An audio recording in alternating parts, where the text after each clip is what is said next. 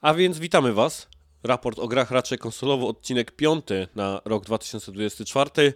Serdecznie witamy Was, e, żeby porozmawiać o kolejnych dwóch tygodniach newsów branży gier wideo. E, toż podziało się. Tak do pewnego momentu nie było tego za dużo na tej naszej liście, ale potem się e, woreczek otworzył, aczkolwiek i tak, odcinek wydaje mi się taki schludny. Tak jak przeważnie skroluję tą listę góra-dół, żeby dowiedzieć się, ile mamy newsów, to tutaj akurat jest dosyć zgrabnie wszystko, ale zanim do tego przejdziemy, to chętnie powitam mojego towarzysza dzisiaj przy mikrofonie, Norberta. Siema. Cześć, dzień dobry. Takie przeznaczenie wczoraj mieliśmy nagrywać, ale obojgu nam się wykrzaczyło rodzinne sprawki wieczorem e, i tak e, synchronicznie, bo najpierw ja napisałem do Norberta, że coś tam u mnie nie tak i może będzie trzeba przyłożyć. Norbert napisał, no to dobrze się składa, bo u mnie też się wykrzaczyło, więc tak musiało być, przeznaczenie zadziałało. Ale powiem, Graliśmy się. Powiem ci, powiem ci, Norbert, że myślałem, że będę przez 45 minut dzisiejszego dnia, myślałem, że będę naprawdę w dobrym humorze dzisiaj siadał do tego odcinka, ale potem Mhm. nagle 3-1 się zrobiło z prowadzenia United nad City, więc niestety, Aj. niestety, ale pet, petrodolary, petropuchary wygrały niestety e, w derby Manchesteru, więc nie jest to może najpiękniejszy dzień na świecie, ale pogoda była śliczna, byliśmy na spacerze z dziećmi, nie ma co się przejmować. Manchesterem United. Choć brama Rashforda, muszę, nie wiem, czy widziałeś, albo sobie jakiś skrót Jeszcze zobacz. Mm, palce lizać, to, to powiedział, tak jak Dobra. dawno takiej bramy nie strzelił Rashford, więc chłopakowi się na pewno przyda taki zastrzyk e, pozytywnego czegokolwiek. Coś na E, pocieszenie. Dokładnie tak. Cóż my to mamy teraz w rozgrzewce? Sprawdzam sobie, co tam się podziało na Spotify, jeśli chodzi o ankiety. E, I tak, jak oceniacie ten odcinek raportu? Znaczy poprzedni, tak? To było pytanie do czwórki. 9 do 1 w ocenach na plus, więc bardzo dziękujemy. Zdecydowana większość odcinek się podobał, więc super. To też gdzieś tutaj w komentarzach mm, ktoś nam wrzucił, pamiętam w odpowiedziach otwartych. E, Maciej Borucki, bardzo fajny odcinek, dobry komentarz z analizą sytuacji PlayStation. Hiroki Totoki, pozdrawiam. Fajnie, dzięki, że dobrze to zmurzyliśmy. E, I tak muszę powiedzieć, że po tych newsach, o których będziemy mówić, to chyba dobrze przestrzegaliśmy przed, e, Mhm. przed panem, panem finansowym. Biorąc pod uwagę Tak. to, o czym za chwilkę będziemy Hiroki. gadać. Czuliśmy pismo nosem, co się, co się będzie działo. Ale tak, jeszcze tutaj Goding. E, No panowie, jak premiera PS5 2019, listopad 2020. No tak, to już tam pomyliliśmy się. E, od- Zlewa się wszystko. Zlewa się wszystko, to już jest tą pandemię. No ale tak, w sumie też patrzę teraz na sprostowania właśnie pod kątem komentarzy z YouTube'a, to też Piechu do nas napisał, e, że PS5 wyszło w listopadzie 2020, e, ale i tak ta generacja to żart trochę. Ja nie wiem, ja, trudno mi powiedzieć, żeby ta generacja była żartem. Norbert zaraz będzie grał w Rebirtha i nie wiem, czy, czy, czy tak jednogłośnie mógłby powiedzieć, że ta generacja jest dla niego żartem. Kręci głową. No raczej, raczej, raczej głową, nie, raczej nie. nie. Pograłeś już coś? Pograłem, pograłem, no. Tak, parę, parę godzin już nabite, więc tak zastanawiałem się przez chwilę, czy nie powiedzieć ci, że może dzisiaj po prostu przelecimy na tak, nie, na pytania, to jakieś pojawiają tym, tym żeby, żeby szybko zamknąć, ale, ale dobra już. Tomek, Postaram się skupić, no. a możesz nagrać sam? albo, Coś mi wypadło, coś bardzo ważnego. albo tak jak Bartek, po prostu graj w trakcie nagrywania. No To, to się nie certoli na Gamecastie, po prostu Switcha ma odpalonego i coś tam robi. Wyjebą. A, więc nie, no ja nie mogę powiedzieć. Ja muszę zrobić jakieś sobie porównanie tych generacji, bo słyszę tak po prostu takie narzekanie na tą generację. Ja bym sobie musiał zrobić jakiś taki materiał albo tak sam dla siebie, jaki wiesz, pierwszy rok na przykład tam wiesz, PS3, PS4, PS5, nie? Na przykład pierwszy, drugi, trzeci rok. I czy my faktycznie mamy tak słabą tą generację? E, My już jakiś czas temu mówiliśmy o tym, że e, trochę ta generacja przypomina Playa 2, tak? Gdzie tych, e, tych produkcji first party nie ma za dużo, ale jest po prostu tyle innych gier od, od wydawców, że, że trudno się tak jakby dziwić temu, żeby pozytywniej bardziej oceniać tę generację. Tak z mojego punktu widzenia. Ja tak nie jestem jakoś specjalnie przekonany, że to jest jakaś fatalna generacja. Wydaje mi się ona, że jest naprawdę dobra. No przecież mówiliśmy o chyba o poprzednim roku jako jednym z najlepszych w ogóle w historii branży. Mhm. Em, Pod kątem gier. Może nie pod kątem innych wiadomości, ale pod kątem gier i premier to, e, to, to, to, to była świetna. E, Więc e, cóż, nie wiem. Ty jak, jak tak patrzysz na tą generację, to pozytywnie, negatywnie? Jak ją odbierasz? Wiesz co, pozytywnie, ale chyba też e, znaczy jeżeli miałbym coś strzelać, dlaczego w ogóle takie podejście jest krytyczne tej, tej generacji, to chyba o to chodzi, że mamy, wiesz, ten okres przejściowy był, kiedy ciągnęliśmy jeszcze tę poprzednią generację. Mm. I może ludzie też się po prostu skupiają na tym, że mm, próbują ocenić tę generację pod kątem tylko gier, które wyszły akurat jedynie na nią, nie? Już nie, nie miały tego właśnie jakby cofnięcia się do tej poprzedniej i że nie były wydane przed tytuły i tu, i tu. Mm. I jakby rzeczywiście tak odciąć i skupić się tylko na tych produkcjach, które pojawiły się na tych nowych sprzętach, no to rzeczywiście tego nie jest aż tak dużo.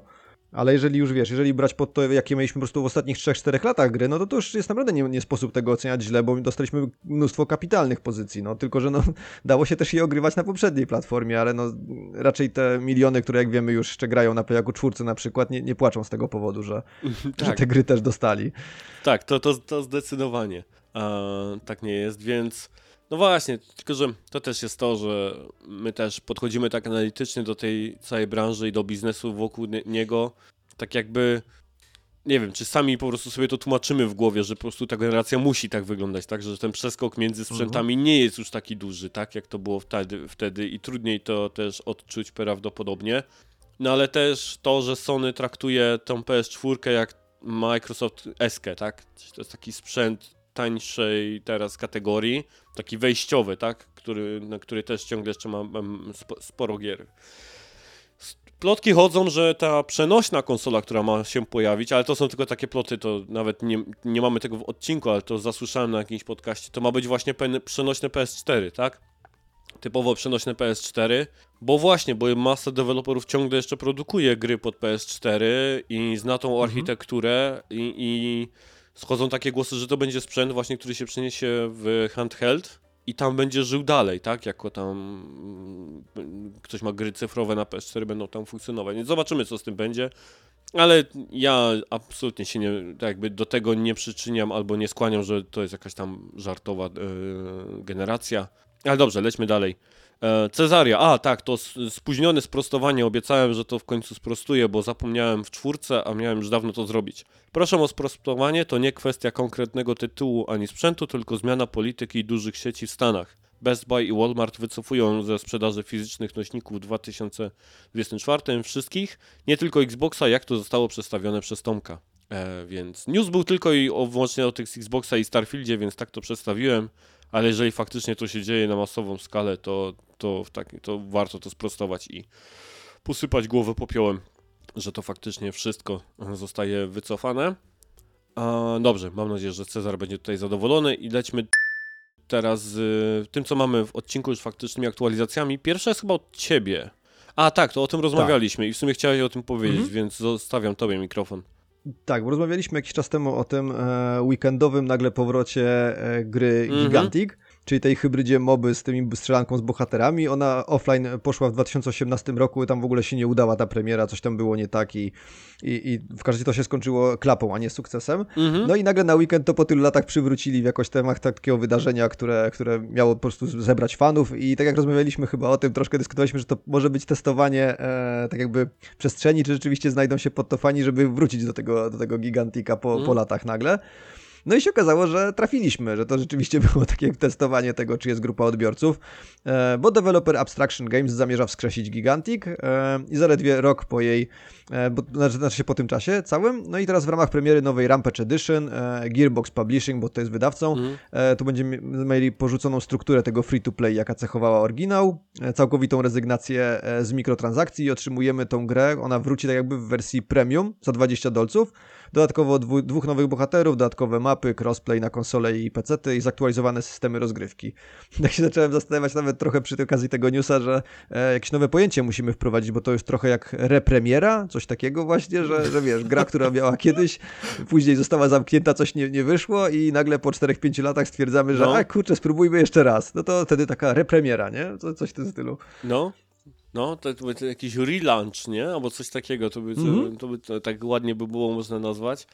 Ale faktycznie, tak jak, bo zupełnie mi ten to wypadło z głowy, bo jak zobaczyłem tego newsa, potem mi właśnie opowiedziałeś, że to chodzi o tą MOBO, która tam kiedyś została wskrzeszona i mi faktycznie wtedy zadzwoniło, że kilka raportów temu o tym, o tym wspominaliśmy. To też w sumie był wtedy news wrzucony od ciebie, że cię to zainteresowało, że, mm-hmm. ta, że, ta, że ta MOBA wróciła. Um, no ciekawe pomysły. Ja pamiętam, że wtedy też rozmawialiśmy między innymi o tym, że może by taki jakiś e, ten Brink, tak? Może by wrócił, tak? tak Tytuł, tak, który tak, został zabity dokładnie. wtedy e, tą niemożnością PSN-a e, może mag, tak? Nie wiem, czy pamiętasz Mhm. maga na PS3, O, tak? tak. Ten, ten, Oni tam się chwalili 256 graczy, coś takiego Tak, tam było, tak, nie? tak, Takie, tak, taka tak. liczba, która robiła wrażenie. No. No. No. Tak samo pamiętam, był taki shooter jeszcze e, Dusk, Dusk 13 czy Dusk 113, nie wiem, czy kojarzysz. To jest ta, Mhm, Na tytuł, tytuł. Mhm. To była ta, ta strzelanka, która się działa tak jakby w uniwersum EVE Online. I to miało być Mhm. na takiej zasadzie, że ty jesteś tymi jednostkami, które się biją na, na planecie, gdzie w EVE Online ludzie tak jakby budują te całe tam kosmiczne bitwy nad planetami, tak? A ty jesteś na planecie, tak jakby tym, tym że to miało być połączone. Tak jakby EVE Online, które ludzie grają na PC-tach z tą właśnie strzelanką. A cholera wie, nie? Wiesz, gdzieś te, te asety są, ktoś ma do tego prawa, jakieś tam mechaniki są gotowe. E, ale muszę powiedzieć, że też to. Znaczy, można na to z różnej strony patrzeć, nie? Ale to też pokazuje pewne, do czego są zmuszeni deweloperzy w obecnych czasach trochę, nie? Mhm. Nie mówię, że to jest złe, że się dzieje, nie? Ale kiedy mieliśmy taką sytuację w historii, że się grzebie gdzieś tam, wiesz, jakichś tam skansenach, archiwach i tak dalej, co by tu sprzedać, co by tu sprzedać, nie? Więc No, dokładnie, dokładnie. Ale to w sumie trochę takie, wiesz, e, można traktować jako mniejsze ryzyko, no bo jednak tutaj tylko coś tam trzeba podciągnąć, coś dodać, a nie od zera cały pomysł tworzyć, Tak, inwestować w to mnóstwo zasobów, tylko wiesz, odkopujemy takiego już trupa, który gdzieś tam zmarł 3, 4, 5, 10 lat temu, Mm. lekko go odświeżamy, robimy sobie taką właśnie repremierę i zobaczymy, wyjdzie to, wyjdzie, nie, no to trudno, nie, nie wyszło, nie zainwestowaliśmy w to aż tyle czasu i tyle zasobów, nie, żeby... za niewielki, żeby aż tak bardzo rozpatrzeć. za niewielki pieniądz Mhm. to wrzucasz a, i no wiesz, coś się sprzeda, to i tak lepiej, bo przecież leżało to i się kurzyło, tak? Więc e, Mhm, czemu nie? nie? dokładnie. No, e, więc fajnie, fajna aktualizacja, świetnie, że to w ogóle wyłapałeś. Kolejną aktualizację mamy tak, stało się, hity Microsoftu na PS5. E, specjalny wpis, jaki pojawił się na oficjalnym blogu poświęconym ekosystemowi Xbox, zdradził nam konkretne premiery gier Microsoftu na konsolach Sony i Nintendo. W zestawieniu poniżej znajdziecie szczegółowe informacje wraz z platformami oraz datami od debiutu. Tak brzmiał cały wpis. No to po prostu jest tak jakby uchylenie tego rąbka tajemnicy, tak, o którym tam Phil Spencer y, nie chciał powiedzieć, jakie to tytuły, choć wszyscy wiedzieli praktycznie, o jakie gry chodzi, ale robili z tego tajemnicę. Muszę powiedzieć też, zrobili z tego tajemnicę, żeby je tak wypuścić błyskawicznie, jeden po drugim, tak w krótkim czasie. No dziwne, no ale dobrze. E, więc tak, wychodzi Pentiment. E, premiera jest 13 lutego, więc już dawno jest, tak? E, chyba 31 wydaje mi się. Następnie Hi-Fi Rush to w marcu, Grounded w kwietniu oraz Sea of Thieves również e, w kwietniu. E, Więc zarówno Grounded, jak i Sea of Thieves powinno się pojawić, tylko że Grounded chyba gdzieś na początku kwietnia, Sea of Thieves na przełomie kwietnia-maja ma się pojawić na PS5. A więc jakbym miał teraz telefon, bo niestety nagrywam na telefonie na kamerce, to bym to tak wizualnie ci zrobił, tak żebyś widział po prostu jak składam ładnie preordera na Hi-Fi Rush, ale już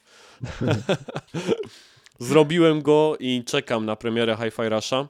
Już mam w preorderze um, kupiony ten tytuł. Nie zamierzam czekać na pudełkową wersję, bo ona jest zrobiona przez Limited Run, a zrobiłem sobie kreskę na tej firmie, że nie będę od nich nic kupował już e, ze względu na maklojki i inne rzeczy, którymi sobie za, e, u mnie zagrabili e, w, w branży, więc zresztą ja strasznie nie lubię tych premier Limited Run.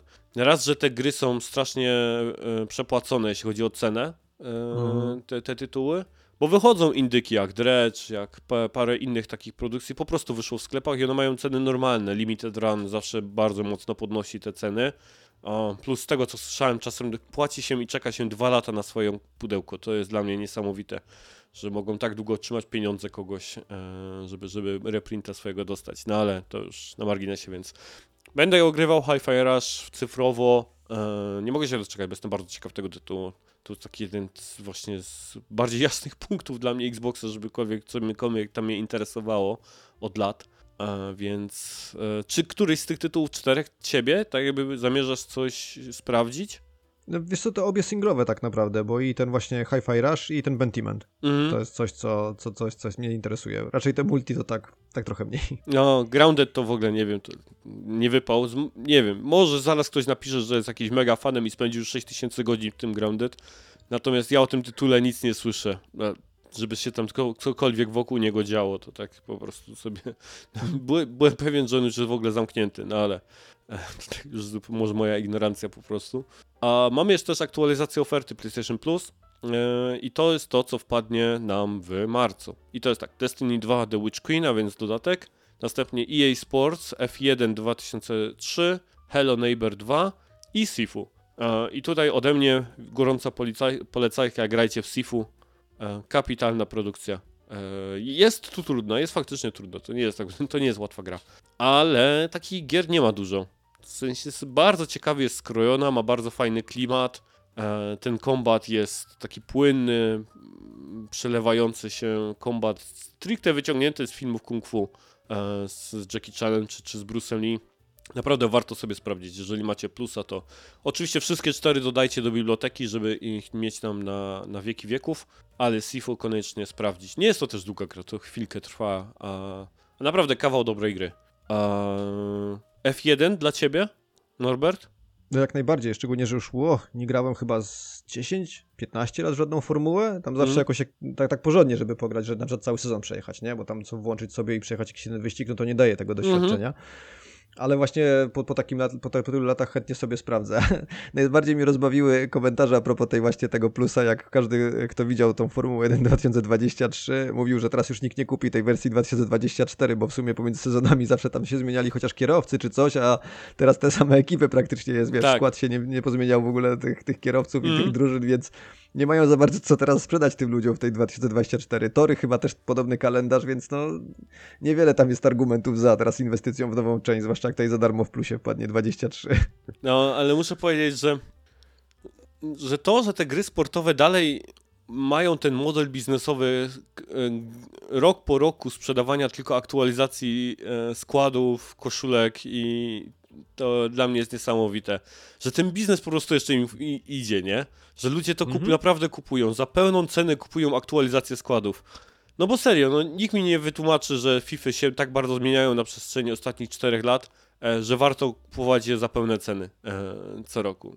Nie wierzę w to po prostu, że, że, że to jest gra warta tego, więc płacić tyle za aktualizację składów. Myślę, że znaczy oczywiście tego nie zrobią, bo ludzie kupują, nie? Ale dałoby się prawdopodobnie z tego zrobić jakąś taką live platformę, gdzie jest gra wypuszczona nowa na przykład raz co 5 lat, a potem są po prostu kupowane aktualizacje składów, ale najpierw by lu- ludzie musieli Tylko- przestać płacić, nie?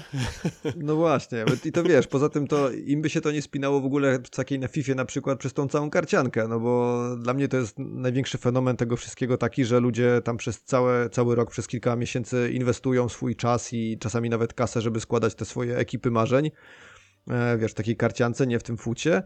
E, A potem przychodzi nowa FIFA i zaczynamy od zera i robimy to od początku. No i ja kumam tą frajdę, jaka jest z tego, że wiesz, że budowanie tego składu. Tylko z drugiej strony, jak tak rozmawiałem z paroma znajomymi, którzy właśnie w to się bawią i poświęcają swój czas, to tam jest czasami, wiesz, kwestia 2-3 tygodnie i już masz tam ekipę taką wymaksowaną, że nie ma za bardzo co robić i później jakieś tam dodatkowe challenge, więc jakby oni znowu poszli w ten model aktualizacji, no to wtedy wiesz, no jak tu tym ludziom wiesz, wyzerować Mhm. ten progres teraz, albo ich tutaj za- zachęcić, żeby znowu, znowu to zainwestowali swój czas i zasoby, więc no pewnie to, to zatrzyma nam na razie na dłużej te, te takie Mhm. właśnie, wiesz, te takie karcianki i to wszystko i te, i te futy i tym podobne, to sprawi, że, że jeszcze długo nie zobaczymy opcji aktualizacji składów po prostu, albo takiej, wiesz, jakiegoś małego patcha, który zmieniało będzie, powiedzmy, wersję gry. Ja też, ja wiem, że ten food istnieje, ale jak to działa i, i tak dalej, to jestem zupełnie odklejony. E, czy to potem jest jakiś taki auto chess, że wystawiasz tą drużynę, czy grasz nią z tego, z tego futa, czy ona po prostu tylko, nie wiem, co się robi tak Nie, z, tym, no to- z tymi kartami. Znaczy to jest normalnie jak FIFA, nie? Że tam masz, tą, masz te z karty, to są po prostu one symbolizują twoich zawodników, ale koniec końców i tak się na boisku wirtualnym spotykasz z przeciwnikiem i grasz normalnie mecz, tylko masz tych zawodników, wiesz, jakby oni są symbolizowani kartami przy samym ustawieniu jakby, nie? Masz formację ustawianą jako karty, a potem już grasz tymi zawodnikami jako drużyną. No dobra, no ale to potem wychodzi, dochodzi do tego, że wszyscy mają te same drużyny, nie? W napadzie To wszędzie trochę Mbappé. No, trochę tak to wygląda. Wszędzie Właśnie, to- wiesz, no, ale to wiesz, dlatego jest pewnie ta różnorodność z tym wszystkim, że, że tam jest z 20 czy 30 wersji takiego Mbappé, no bo tam jest, wiesz, Player of the Season, Player of the Month, później tutaj jakiś tam z Ligi Mistrzów Mm. najlepszy zawodnik, tu Król Strzelców coś tam, tu jakaś halloweenowa edycja i takie tam cudawianki, wiesz, wychodzą, więc później jest ta różnica, że ej, to jest inny Mbappé. Mhm. Tylko zawsze mnie A, ciekawi, czy rzeczywiście czuć o tą kurde. różnicę, nie? Tam, tam na boisku. No. Wylosuje ci Mbappé na przykład z ćwierćfinału Ligi Mistrzów, gdzie wiesz, tam grał Piach, nie, to jest słabszy, a tam z jakiegoś półfinału, Mbappé z półfinału Ligi Mistrzów jest zupełnie inny. O rany. In, no. No, to, to, to zupełnie, to nie. to ja podziękuję. Ale, ale czuję, że będziemy mieli, będziemy mieli sprostowania chyba do przyszłego odcinka. Czuję, No, jak tutaj no. kilku fanów FIFA nam tutaj zaraz nas naprostuje. Samo jej napisze, żeby nas tu sprostować, jak U. słuchają. Na pewno. Dobrze. Wyślał klucz i powiedział, pograjcie to w końcu, No, żebyście nie gadali głupot więcej. Wiecie, nie, nic się nie znacie. Dobra. E, przechodzimy teraz do faktycznych rzeczy, które wydarzyły się w ostatnich e, dwóch tygodniach e, i nie mogliśmy też inaczej zacząć od jak takiej piguły newsów związanej z PlayStation. Um, I to obiecuję, że to nie tylko ze względu na to, że to ja prowadzę ten podcast i jest tutaj, ale po prostu bardzo dużo rzeczy działo się wokół Playa w ostatnich newsach, bo są tu wiadomości o sprzęcie, o, o zwolnieniach, o sytuacji finansowej. Wiele, wiele rzeczy się podziało. No ale tak, zacznijmy od tego, że pierwszym newsem, który sobie tutaj zapisałem, to w poprzednim raporcie informowaliśmy o prognozach sprzedaży PS5 przez Sony oraz o planach wydawniczych e, gier z dużych marek. E, Z nowego raportu CNBC wynika, że po tych informacjach e, wartość Sony na giełdzie spadła o około 10 miliardów dolarów. Więc nie mała sumka, ale tak ja się specjalnie takimi informacjami nie, nie przejmuję, bo jak obserwuję giełdę, to czasem po prostu ktoś pierdnie na drugim końcu świata i nagle się akcjonariusze wystraszą i, i słupki lecą w dół, więc dla mnie to jest tak dziwny twór, giełda i w ogóle ten, ten, ten taki biznes spekulacyjny, że, że nie pokry... W, ogóle tak jakby, wiesz, nie odnoszę go do jakichkolwiek realiów rzeczywistości, że na przykład jakaś firma leci w górę czy w dół, to, cokolwiek to znaczy. E, to może być Mhm. po prostu przypadek. No ale tak, z takich znacznie ważniejszych newsów i bardziej mięsnych, to tak, szef PlayStation Studios Herman Holst powiedział w oficjalnym komunikacie, że właściciel platformy na nowo ocenia sposób, w jaki działa, aby dostarczyć graczom produkcję, za jakie pokochali oni markę PlayStation. W ramach swojej decyzji o zwolnieniu 900 pracowników na całym świecie, w tym po około 8% w Insomniac i Naughty Dog to w Stanach Zjednoczonych oraz Guerrilla i Fire Sprite w Wielkiej Brytanii. Tutaj warto zaznaczając, bo sobie to do, do sprawdziłem, że żadne inne studio w Stanach nie, nie otrzymało cięć. E, żadnych znaczących cięć, zarówno Sucker Punch, jak Santa Monica e, i tak dalej, e, tam, z tamtych studiów nie zostały zwolnione osoby. No więc gdzie te 900 się ulokowało? No spora część tych osób to oczywiście jest London Studios, które PlayStation e, stworzyło e, jakiś czas temu do produkcji głównie właśnie gier SingStar, e, VR i tego rodzaju e, tworów, a zostało one zupełnie zamknięte. Komentując tę wiadomość, Holst potwierdził, że zwolnienia doprowadziły również do anulowania nie nazwanych projektów gier, które prawie na pewno obejmują internetową grę kooperacyjną London Studios, właśnie zamkniętego studia, osadzoną w fantastycznym Londynie. Nie wiem, czy pamiętasz o co chodzi, był taki jeden key art, który się pojawił. Tam nic więcej o tej grze nie widzieliśmy, to jest taka jedna grafika tylko była koncepcyjna e, pokazana. Właśnie miała to być taka gra kooperacyjna w Londynie, e, takim ale w nowoczesnym Londynie, ale miała być fantazy, tak jakby dużo magii e, Mhm. i tak dalej, ale ile można wyczytać z jednego keyarta, tak? Więc trudno tutaj powiedzieć. No ale trochę innych gier też zostało anulowane. E, nie tylko to, ale o nich za dużo nie wiemy. No i ostatnia tutaj rzecz przy tym newsie, e, znowu cytat. Dostarczanie i utrzymywanie społecznościowych doświadczeń online, umożliwiając graczom PlayStation odkrywanie naszych światów na różne sposoby, a także uruchamianie gier na dodatkowych urządzeniach, takich jak komputery PC i urządzenia mobilne, wymaga innego podejścia i innych zasobów. Więc to są informacje, które tak w takiej pigułce wyciągnąłem z, in, z newsów na temat e, zwolnień. E, I moje pytanie jest takie: czy PlayStation zacznie wydawać gry na PC Day One z wersjami konsolowymi? Norbert, jak myślisz? Mm, wiesz co, no w sumie patrząc po tej premierze Helldivers dwójki, co tym się Mhm. wydarzyło, to to może być takie przetarcie w sumie dla Sony i dobrze pokazuje ten potencjał tych premier Day One. Więc jeżeli e, tam jest pan Hiroki Totoki Mhm. na czele, którego mówimy, że to jest trochę pan Excel i, i ten arkusz, no to on widzi to wyraźnie, że mogąc wydać te Helldivers tylko na, na PlayStation, a wydając ją i na PlayStation i na PC, gdzie tam na Steamie całkiem solidne wyniki wykręca tytuł i ma całkiem dobrą tą premierę, więc może właśnie pójście w e, tym kierunku I teraz właśnie pytanie, czy wiesz, czy w przypadku wszystkich gier, czy oni właśnie pójdą w stronę tego, że jednak takich tytułów, które, których ważniejsze jest zbudowanie tej bazy na starcie, właśnie takich mm. Helldiversów i podobnych gier, no to więc y, to by też miało, wiesz, to by też mogło mieć e, znaczenie w przypadku tych gier usług, jeżeli oni rzeczywiście dalej by szli w tym kierunku, a to też nie jest do końca już takie pewne. Tak. Ale to, ale to rzeczywiście wtedy te premiery Day One na, na takich dwóch platformach, na, na PlayStation i na PC mają, mają większy sens. No i tutaj też musimy pamiętać, że przecież to e, mówimy o dystrybucji cyfrowej, nie? Więc oni tam mają trochę tej, tej marży, tych zysków, tak z potencjalnie z właśnie ze sklepu PlayStation, ale tu jeszcze na przykład ze Steama, jeśli by coś wpadało, no tam nie są, tam nie są małe sumki, nie są małe pieniądze, więc tutaj właśnie wszystko mi się to po prostu spaja z tym, wiesz, z tym podejściem właśnie, jakie może mieć ten e, Hiroki Totoki właśnie tej na, na czele stojący PlayStation, że że on inaczej na to wszystko zaczyna patrzeć i po prostu musi to się zaczynać biznesowo spinać, więc jeżeli ma do wyboru e, ograniczyć to tylko z jakiegoś powodu, a z drugiego jednak przynieść większe zyski firmie, no to wybierze tą drugą opcję i tutaj mnie, nie będzie mnie to dziwić, jeżeli właśnie pojawią się te premiery Day One.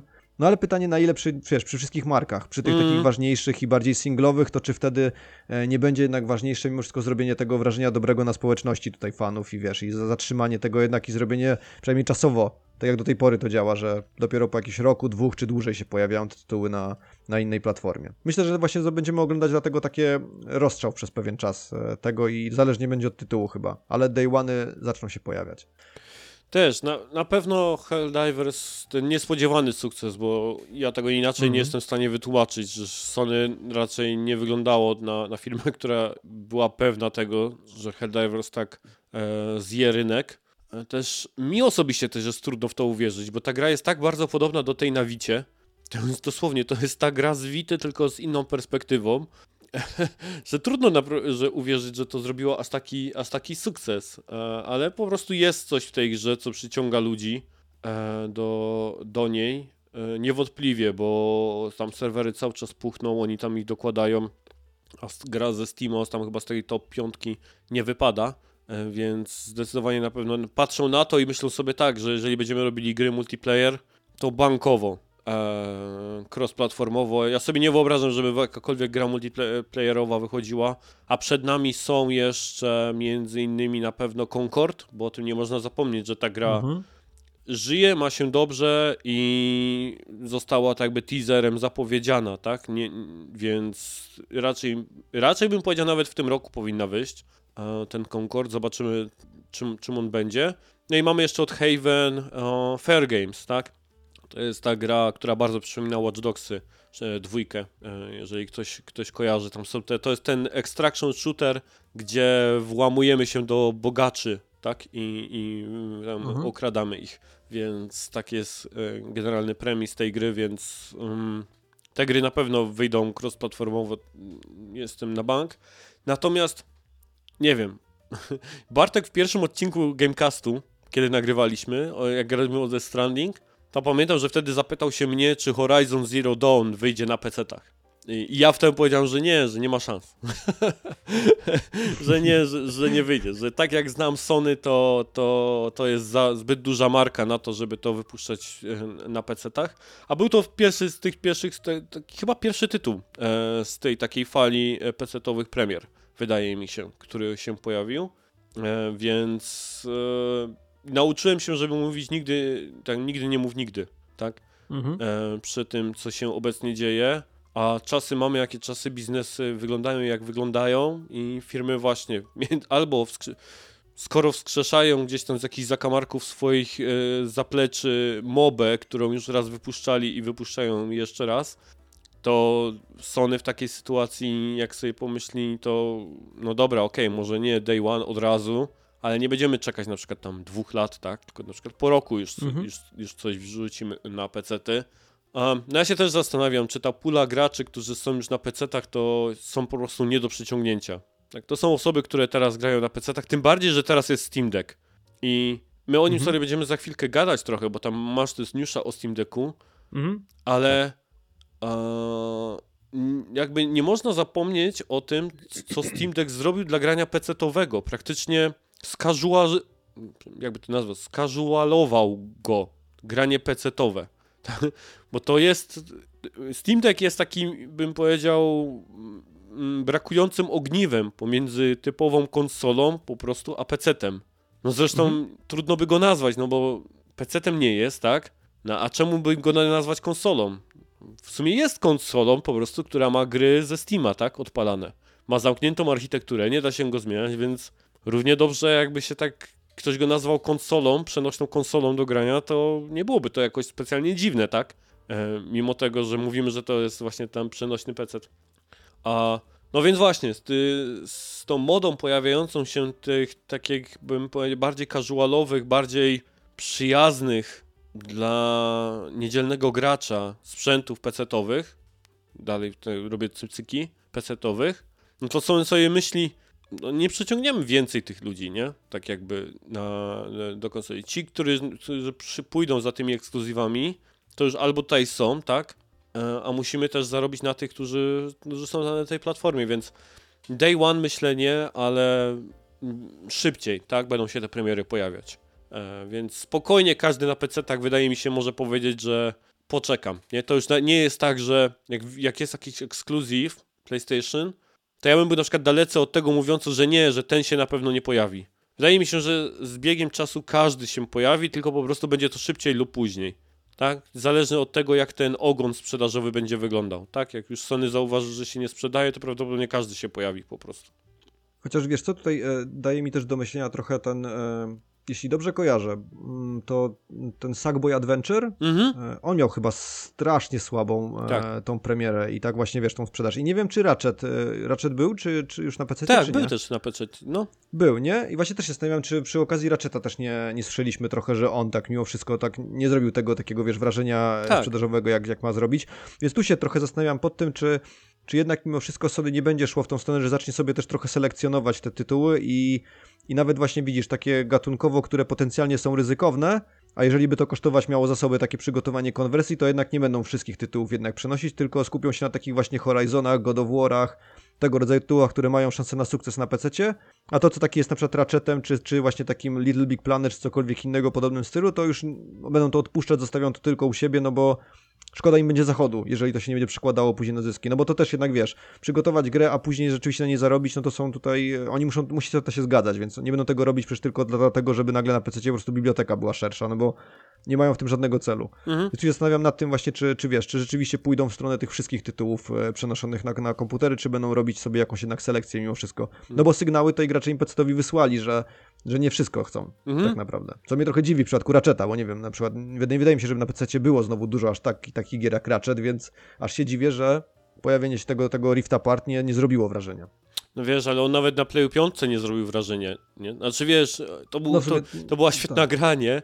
Ale one wyszły, mhm. zarówno ten Sackboy i Ratchet wyszły na konsolę i tutaj nie zrobiły jakiegoś specjalnego, ogromnego wrażenia, więc trudno się dziwić, że ich premiera na PC miałaby być czymś proporcjonalnie lepszym, nie? Albo robiącym jeszcze, jeszcze, jeszcze większe wrażenie, nie? Też racja. I tak, no, my oczywiście mówimy o tych dokumentach, które wypłynęły tam z Insomniaka, tak? Wiemy, jak te raczety e, się miały. I smutne to były liczby. Znaczy one nie były tragiczne, nie? To nie jest tak, że to było w, w ogóle klapy, ale nie były na pewno tak dobre, jak ludzie mówią, tak? Jak, jaka jest percepcja tej, tej gry. Liczby to jakby tego, e, za tym nie szły. Um, ale coś też muszę powiedzieć, że jest różnica pomiędzy tym, kiedy Sony mówi o platformach docelowych, w które celują, pomiędzy e, Philem Spencerem, a właśnie a tutaj Hermanem Holstem, tak? E, gdzie Phil Spencer mówi bardzo wyraźnie, tak jakby nie, nie, nie mówi specyficznie, na których konsolach się skupiają, tylko on mówi o innych platformach. A kiedy Sony komunikuje, gdzie zamierza swoje gry wydawać, to jest bardzo wyraźnie. PC, mobile, nie? Mhm. nie wiem, czy to też tak odczytujesz, ale jest tak bardzo jasne do powiedzenia, że nie, nie zamierzamy wy, wypuszczać naszych gier na Xboxie. W sumie tak, tak, tak, tak to brzmi, ale z drugiej strony wiesz, musimy też mieć cały czas z tyłu głowy, że oni też jeszcze do końca nie wiedzą, co za chwilę zrobi Microsoft, no bo oni też tak troszkę się miotają, niby tutaj deklarują, że zostają w tym rynku hardware, ale te, te pogłoski, że oni mieliby iść w stronę bycia wydawcą, to nie są takie totalnie oderwane, te, tak mhm. wiesz, żeby to nie miało żadnego pokrycia i że to się nie miało sprawdzać, więc ja bym się nie zdziwił, jakbyśmy na przykład za dwa lata przy raporcie mówili o tym, że właśnie już mamy grę jakąś wydaną Sony na, na tam wiesz, na, na Game Passie, czy gdziekolwiek indziej, albo nawet właśnie na Nintendo, jeżeli by się okazało, że wiesz, że Microsoft poszedł w stronę bycia wydawcą, a Switch w ogóle i Nintendo, na już Switch 2 w ogóle nie jest jako konkurencja dla, dla w tym przed, dla, dla Playaka. Oni się w ogóle przed, egzystują koło siebie i sobie nie wchodzą, nie zawadzają. Każdy robi jakąś tam swoją robotę, ma swoją grupę docelową. Więc ja się wtedy nie, nie zdziwił, jeżeli by Sony w tym momencie się zdecydowało, że i nie przeszkadza im bycie na, na właśnie, wiesz, usługach czy sprzętach Microsoftu i że nie przeszkadza im premiera na, na Switchu dwójce, no bo to też żadna wtedy może być konkurencja dla nich, więc to, to się może tak dynamicznie tutaj zmienić. Jak najbardziej, najbardziej rozumiem w tym momencie, że oni teraz deklarują te urządzenia mobilne i PC-ty, ma to jak najbardziej sens, czyli mhm. dziwne by było, jakby tego nie robili, ale nie wiem, co może nam przynieść przyszłość w tym, w tym, w tym gatunku, bo tutaj wiesz, bo tutaj się wiele może pozmieniać jeszcze. Tak, no my faktycznie, no, w branży teraz się tyle dzieje, tak, tak, takich zakulisowych spraw. No, oczywiście nie no, gier też wychodzi, bo też nie udawajmy na to, jaki ten rok był, tak? W przeciągu kilku tygodni dostaliśmy tą Jakuzę Infinite Wealth, która zarządziła. Mm -hmm. Był Tekken 8, który jest prawdopodobnie najlepszą bijatyką w historii gier. E, z tego co słyszę, tak ludzie mówią, że zdecydowanie najlepszy Tekken, a w ogóle najlepsza bijatyka. To są jedyne słowa, jakie słyszę o tej ósemce e, od osób, które grają. Była ta Persona 3 Reload, która również bardzo ciepło została przyjęta. E, teraz przecież e, Final Fantasy Rebirth, tak? który już prawdopodobnie zdobędzie goty. Zobaczymy, ale wszystko na to na razie wskazuje. Był ten Prince of Persia, który się świetnie oceniał, więc e, dzieje się na wielu frontach, nie? Tak znowu, gry wychodzą świetne, ale też e, biznesowo dzieje się bardzo dużo. No i tak jak mówisz, ta przyszłość na razie tak wygląda niepewnie, że ja bym też się prawdopodobnie raczej nie skłaniał do jakichś twardych e, określeń, czy tam twardych stwierdzeń, że na pewno się to nigdy nie wydarzy. No ale komunikacja przynajmniej jest klarowna, tak? Do Microsoftu mhm, tak. można mieć spore pro, pretensje do tego, jak oni się komunikują i raz mówią jedno, raz mówią drugie, albo nie dopowiedzają czegoś, gdzie przynajmniej przy PlayStation jest to bardzo wyraźnie, tak, że uruchamianie gier na dodatkowych urządzeniach, takich jak PC i urządzenia mobilne, nie? jest bardzo, e, bardzo ko konkretnie. Co do tych zwolnień, no to szkoda tego London Studios, choć, choć no... Media Molecule i London Studios to były takie typy, tak? To, ta jedna ekipa, którą w tych dokumentach Insomniaka było mówione, że zostanie studio zamknięte, to były typy, yy, które zostały stworzone. Media Molecule, ja, ja powiem tak, bo słuchałem sobie kilku już podcastów mówiących o tym, i trochę mnie, znaczy rozwala mnie jakby podejście ludzi albo trochę niezrozumienie tematu, czy może brak świadomości, jak wyglądają takie sprawy realnie w dużych korporacjach, bo na przykład chłopaki z Sacred Symbols o tym opowiadali i trochę jak mówili o Media Molecule mówili jaką porażką było Dreams, nie, i tak dalej, i tak jakby zarzucali Sony, że, że greenlightowali albo że zniszczyli Media Molecule, każąc im robić Dreams, nie? Tak jakby od tej strony. Tylko trochę się zastanawiam, tak by jak ludzie nie rozumieją, na czym polega greenlight takich dużych korporacji. Przecież to nie jest tak, że to Sony z góry określa, jaki projekt ma się zajmować studio, tylko to Media Molecule wyszło z pomysłem Dreamsów i sprzedało go na tyle dobrze Sony, że Sony to greenlightowało. Więc a, bardzo dużo tak jakby ognia otrzymuje tak jakby PlayStation i zarząd PlayStation za to, że, że pozwoliło Media Molecule robić y, Dreamsy ale ja bym powiedział, no to jest główna wina tej Media Molecule, tak? Jak to zostało e, wydane i jak to się jakby zakończyła ta sprawa. E, więc to, mnie, to jest jedna rzecz, która, która mnie e, rozwalała.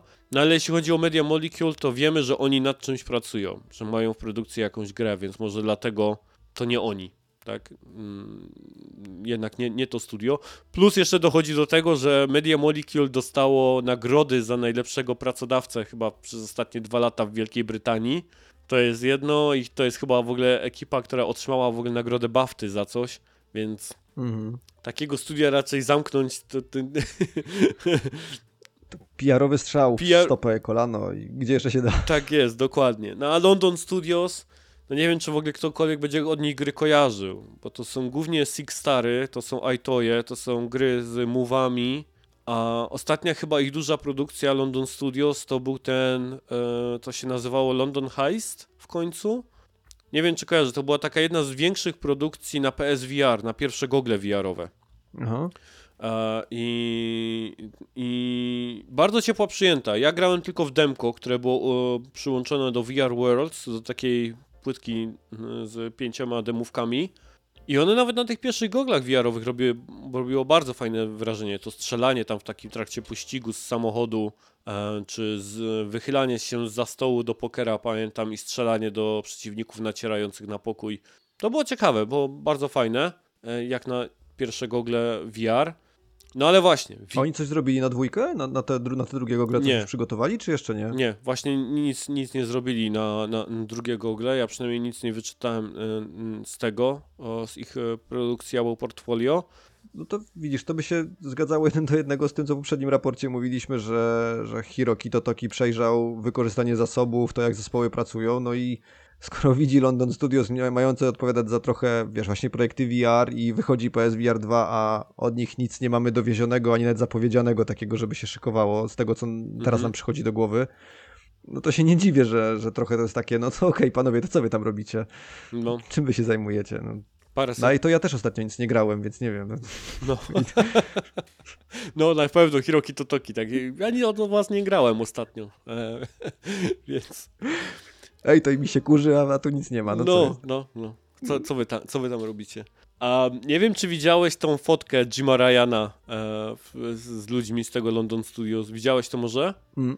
Nie, nie, nie. O, Jesus Christ. E, dzień czy dwa dni przed ogłoszeniem tego zamknięcia Jim Ryan był na wizycie w London Studios. I jest taka fotka, którą możecie znaleźć w internecie. Ona będzie w ogóle na, okład, na okładce raportu, bo ja ją na pewno umieszczę na okładce raportu. Gdzie on stoi z osobami ze studia, takimi młodymi ludźmi, w takim objęciu i się śmieją do kamery i sobie robią takie wspólne zdjęcie.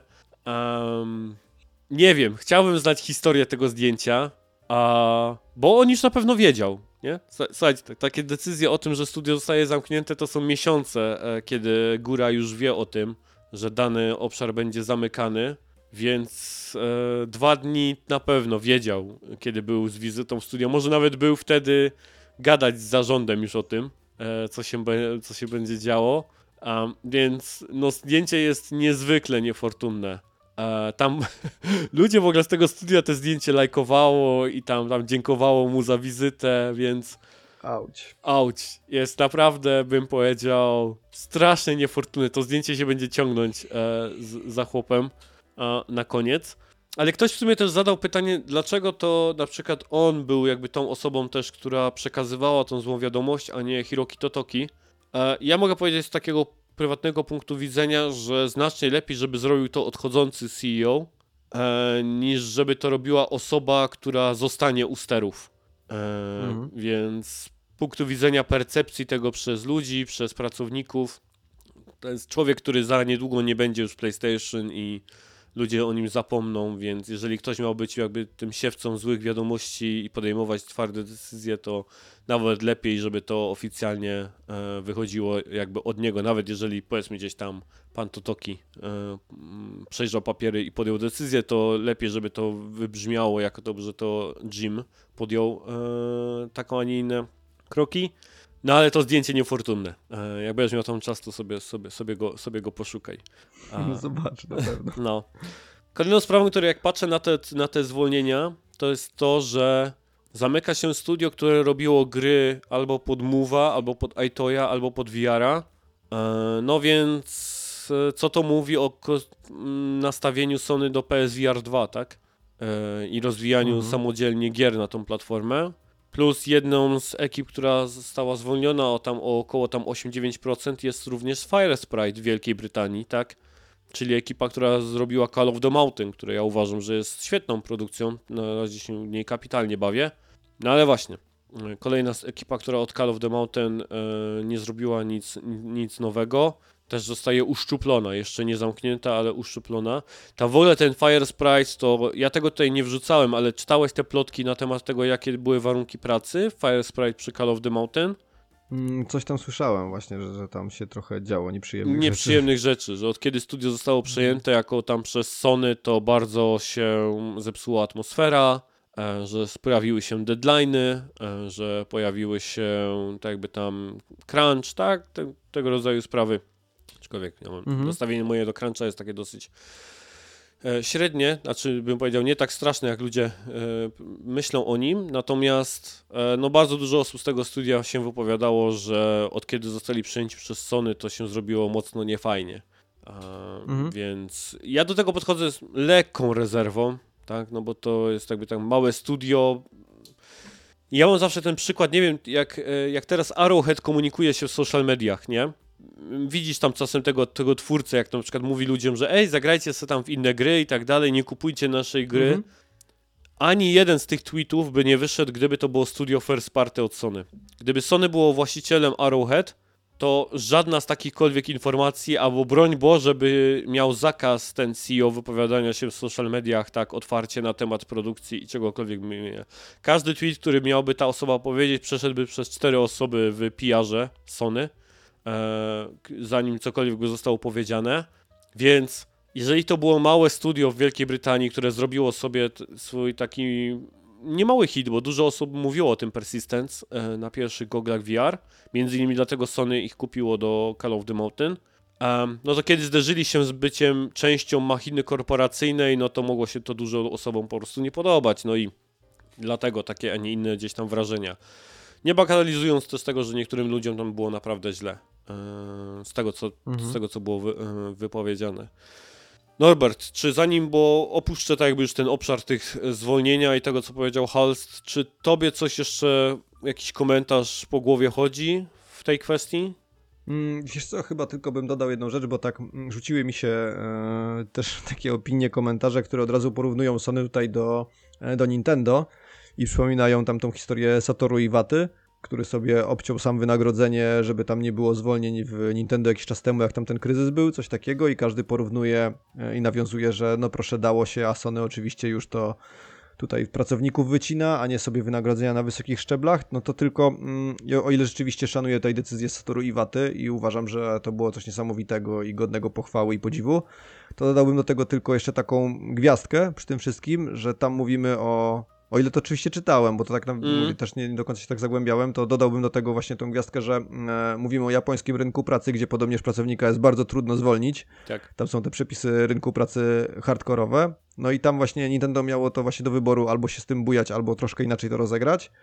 Sony nie ma tej tutaj tak jakby z tyłu takiej, e, z tyłu głowy takich barier, takich przeszkód, więc no też inaczej może te decyzje podejmować, więc może też dlatego to się, to się inaczej e, dzieje, to co widzimy, iż właśnie te zwolnienia mają miejsce, a nie, a nie właśnie jakieś tam cięcia na górze.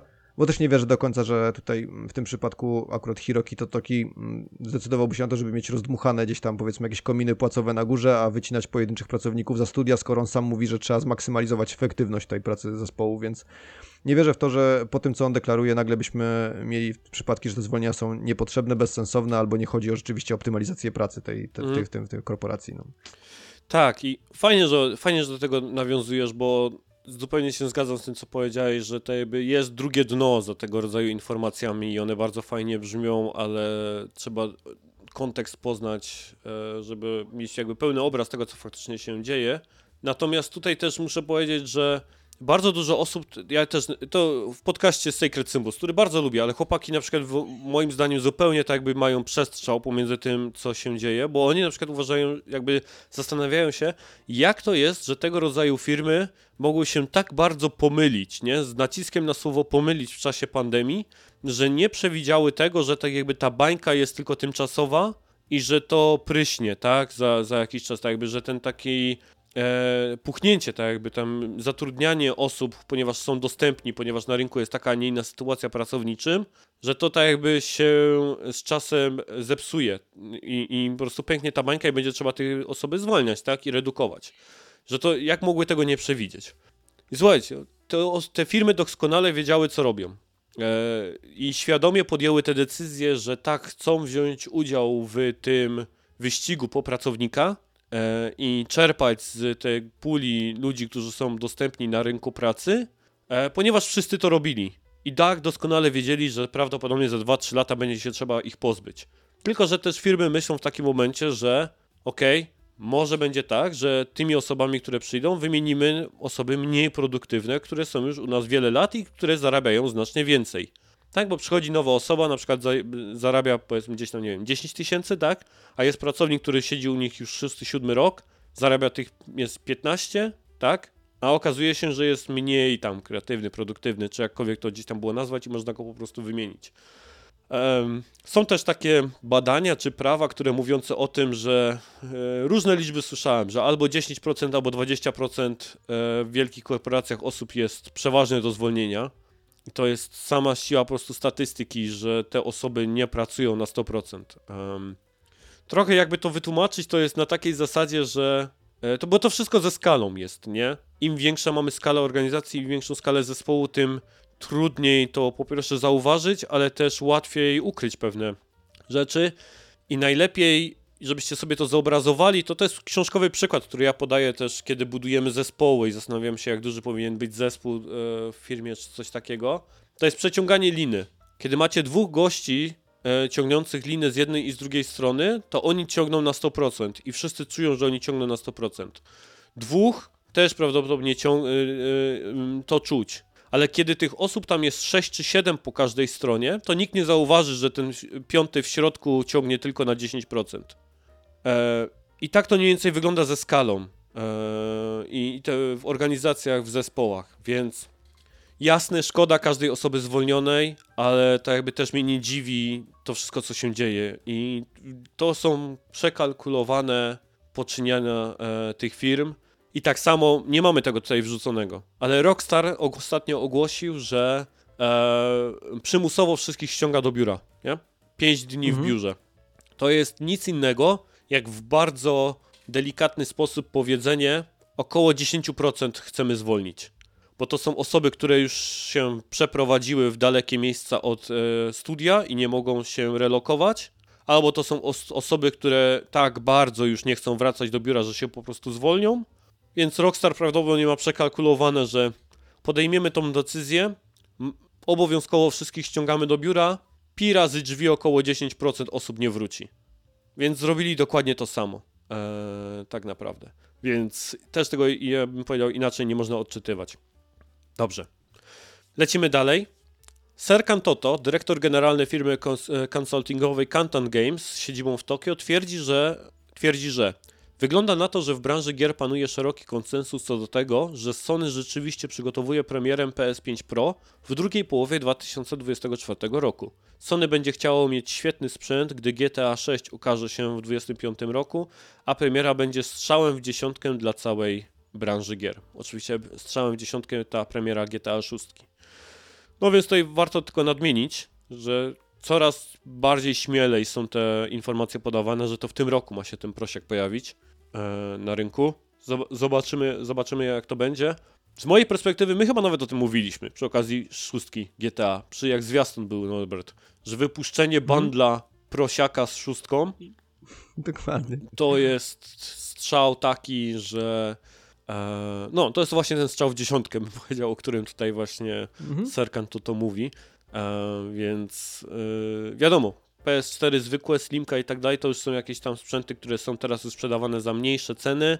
Zresztą oni bardzo cisną, żeby tych sprzętów się pojawi- y, sprzedawać jak najwięcej, te wszystkie promocje i tak dalej. A tutaj wjadą na takie PS5 Pro. Właśnie pytanie za ile, nie? Takiego prosiaka. Mhm. 499 no, kosztował zmieni, zwykły, nie? nie? Tak, na premierę? O kurczę, nie powiem ci, nie pamiętam. 4,99 chyba było. Wydaje mi się, że 500 dolarów to jest ta taka nie, nieprzekraczalna granica, nie? Chyba tak pamiętam, że e, tak wszyscy się boją e, robić konsole droższe niż, niż 500 dolców. E, ciekaw jestem, czy Sony na przykład się pokusi o jakieś 550 na przykład za prosiaka i bundle z GTA 6.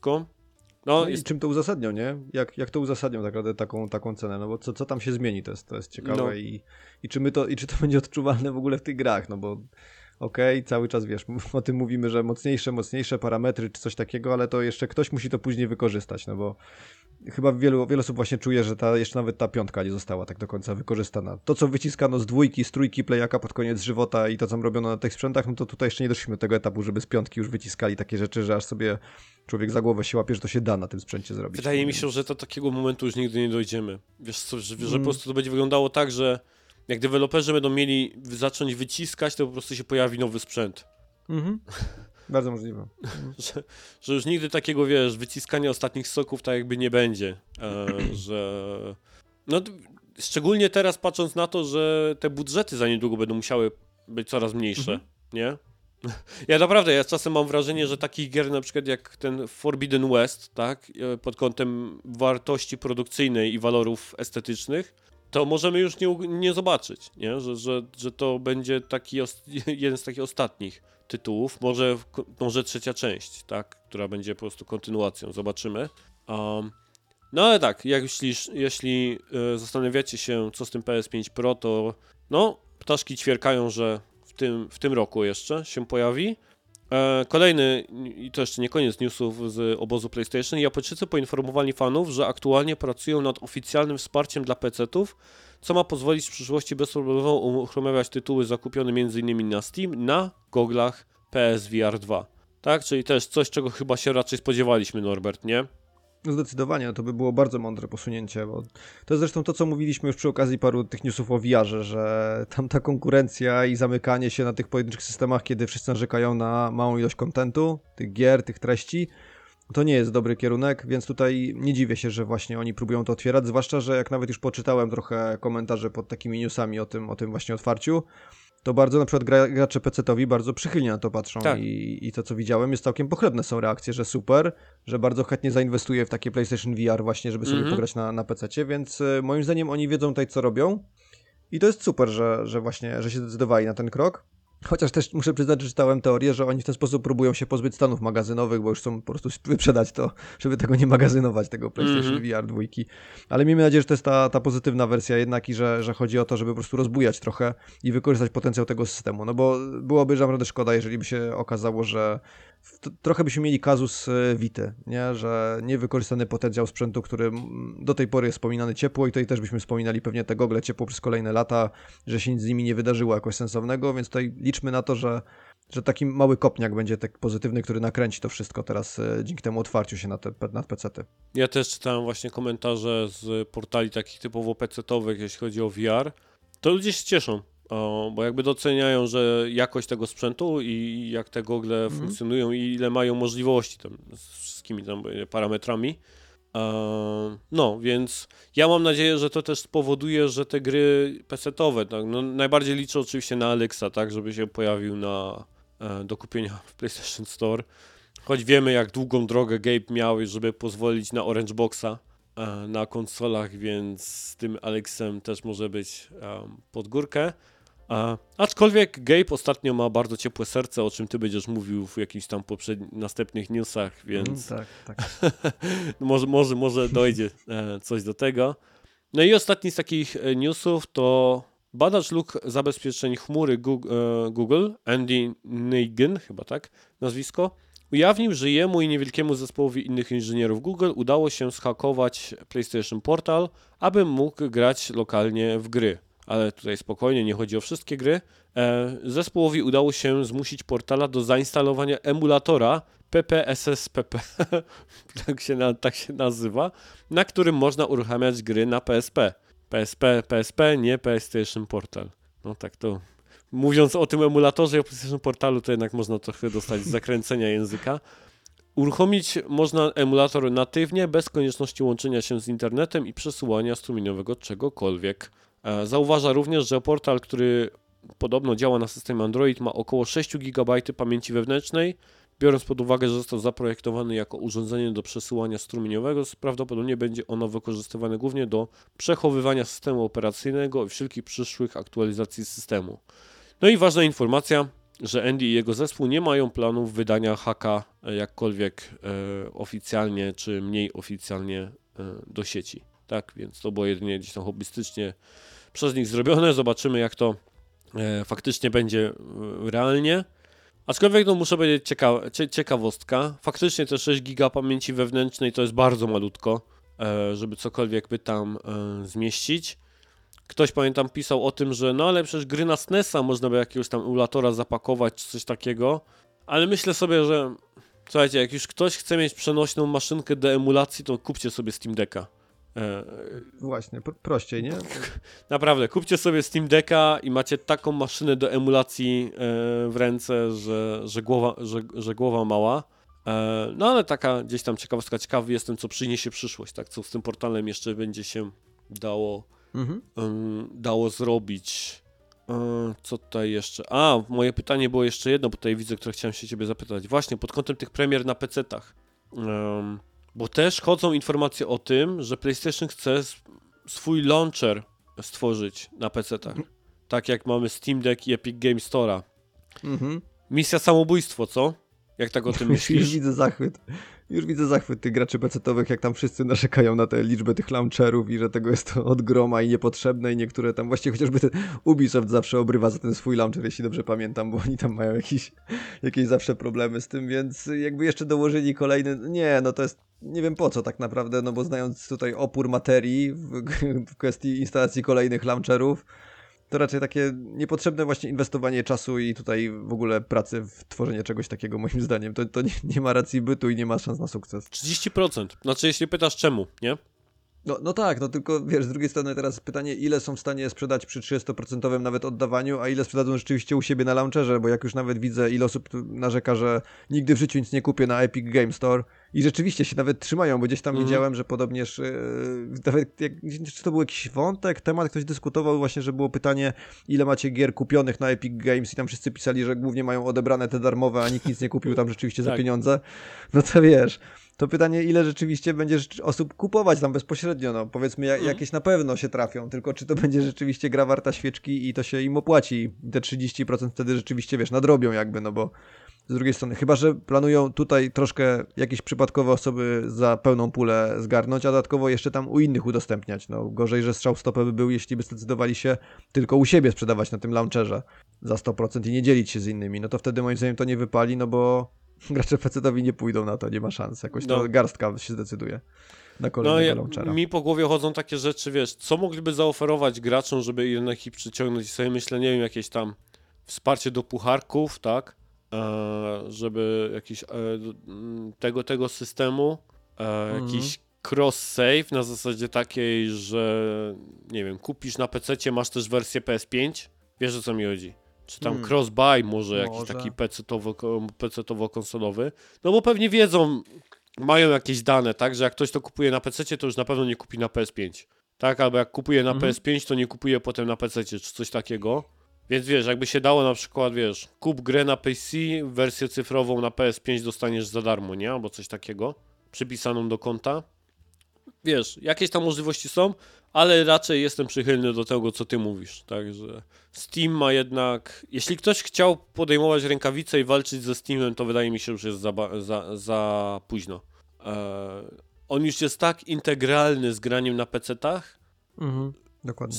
Stał się takim naturalnym DNA grania na PC-tach po prostu i nie wydaje mi się, żeby ktoś tu był w stanie mu jakkolwiek zagrozić, więc e, Sony prawdopodobnie też się nie uda, no ale jestem ciekaw, czy w ogóle wpadł na ten pomysł, żeby tego launchera swojego e, odpalać. Dobrze, przelecieliśmy już wszystko, to wszystko co działo się w PlayStation, nic tutaj nie widzę od niebieskich, jeśli chodzi o inne e, informacje, więc teraz ty, twoje dwa newsy. Okej, to zaczniemy od e, A taksówkę sprzedam, czyli jeśli cytaty z niedawnego wywiadu e, Japan Times m, z nowo otwartym studiem Sega w Sapporo mają być brane za dobrą monetę, to reboot Crazy Taxi, o którym usłyszeliśmy, zapowiada się nad wyraz ambitnie. E, Jesteśmy odpowiedzialni za takie tytuły jak Fantasy Star Online 2 Nuke Genesis i Hatsune Miku Colorful Stage we współpracy z bazami w Tokio i za granicą, powiedział Takaya Segawa, szef studia Sega Sapporo, ale uczestniczymy również w rozwoju tytułów AAA, w tym Crazy Taxi.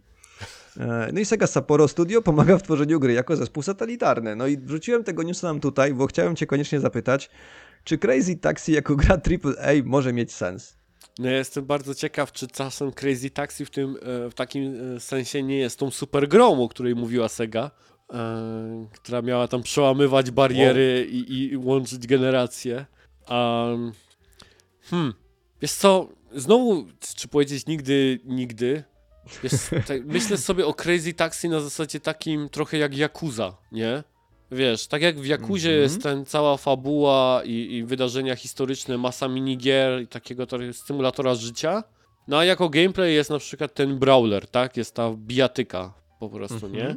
Może No. coś w tym rodzaju, gdzie wiesz, tą czynnością, którą główny bohater by się zajmował, taki trochę prześ- prześmiewczy, komediowy jak Ichiban z tych nowych odsłon, jest po prostu jeżdżenie na taksówce, nie? Tyle, że one by musiały być wtedy zupełnie inne niż to jeżdżenie, wiesz, ja, ja, ja, ja, ja i Offspring, tak? I, na, na, Dokładnie. dokładnie. i tam s- przeskoki na tych słynnych schodkach z San Francisco, tak? I, i tak dalej. Mhm. A więc to by prawdopodobnie tak nie wyglądało.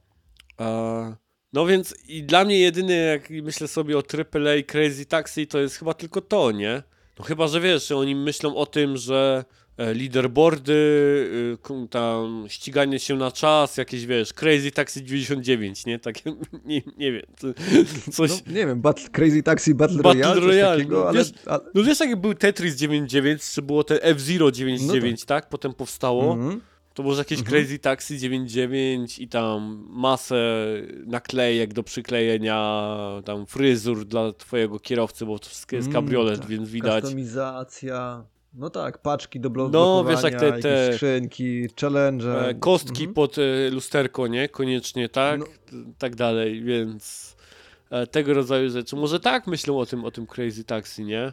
E, no, Znaczy, Dla mnie wiesz, dla mnie to jest niesamowicie, bo mi się to tak nie łączy w ogóle z tym duchem Crazy Taxi i tym, jak to, jak to wyglądało w oryginale. No. I właśnie, i nawet z tą zapowiedzią, co była, że mają wrócić te tytuły, to tam właśnie było takie, czuć trochę ten vibe, że te stare czasy wrócą i to będą takie arcade'owe, zręcznościowe, proste tytuły, w których po prostu będzie fan nastawiony, a nie jakaś tam, wiesz, spektakularność czy- coś. I nagle, i nagle tutaj taki troszkę połączenie tego z AAA w tym komentarzu, mi się to, to, tak mi się to nie łączy, taką mam tak, tak, znak zapytania, jak Metal Gear Solid nad głową od razu mi się pojawił, tak mm,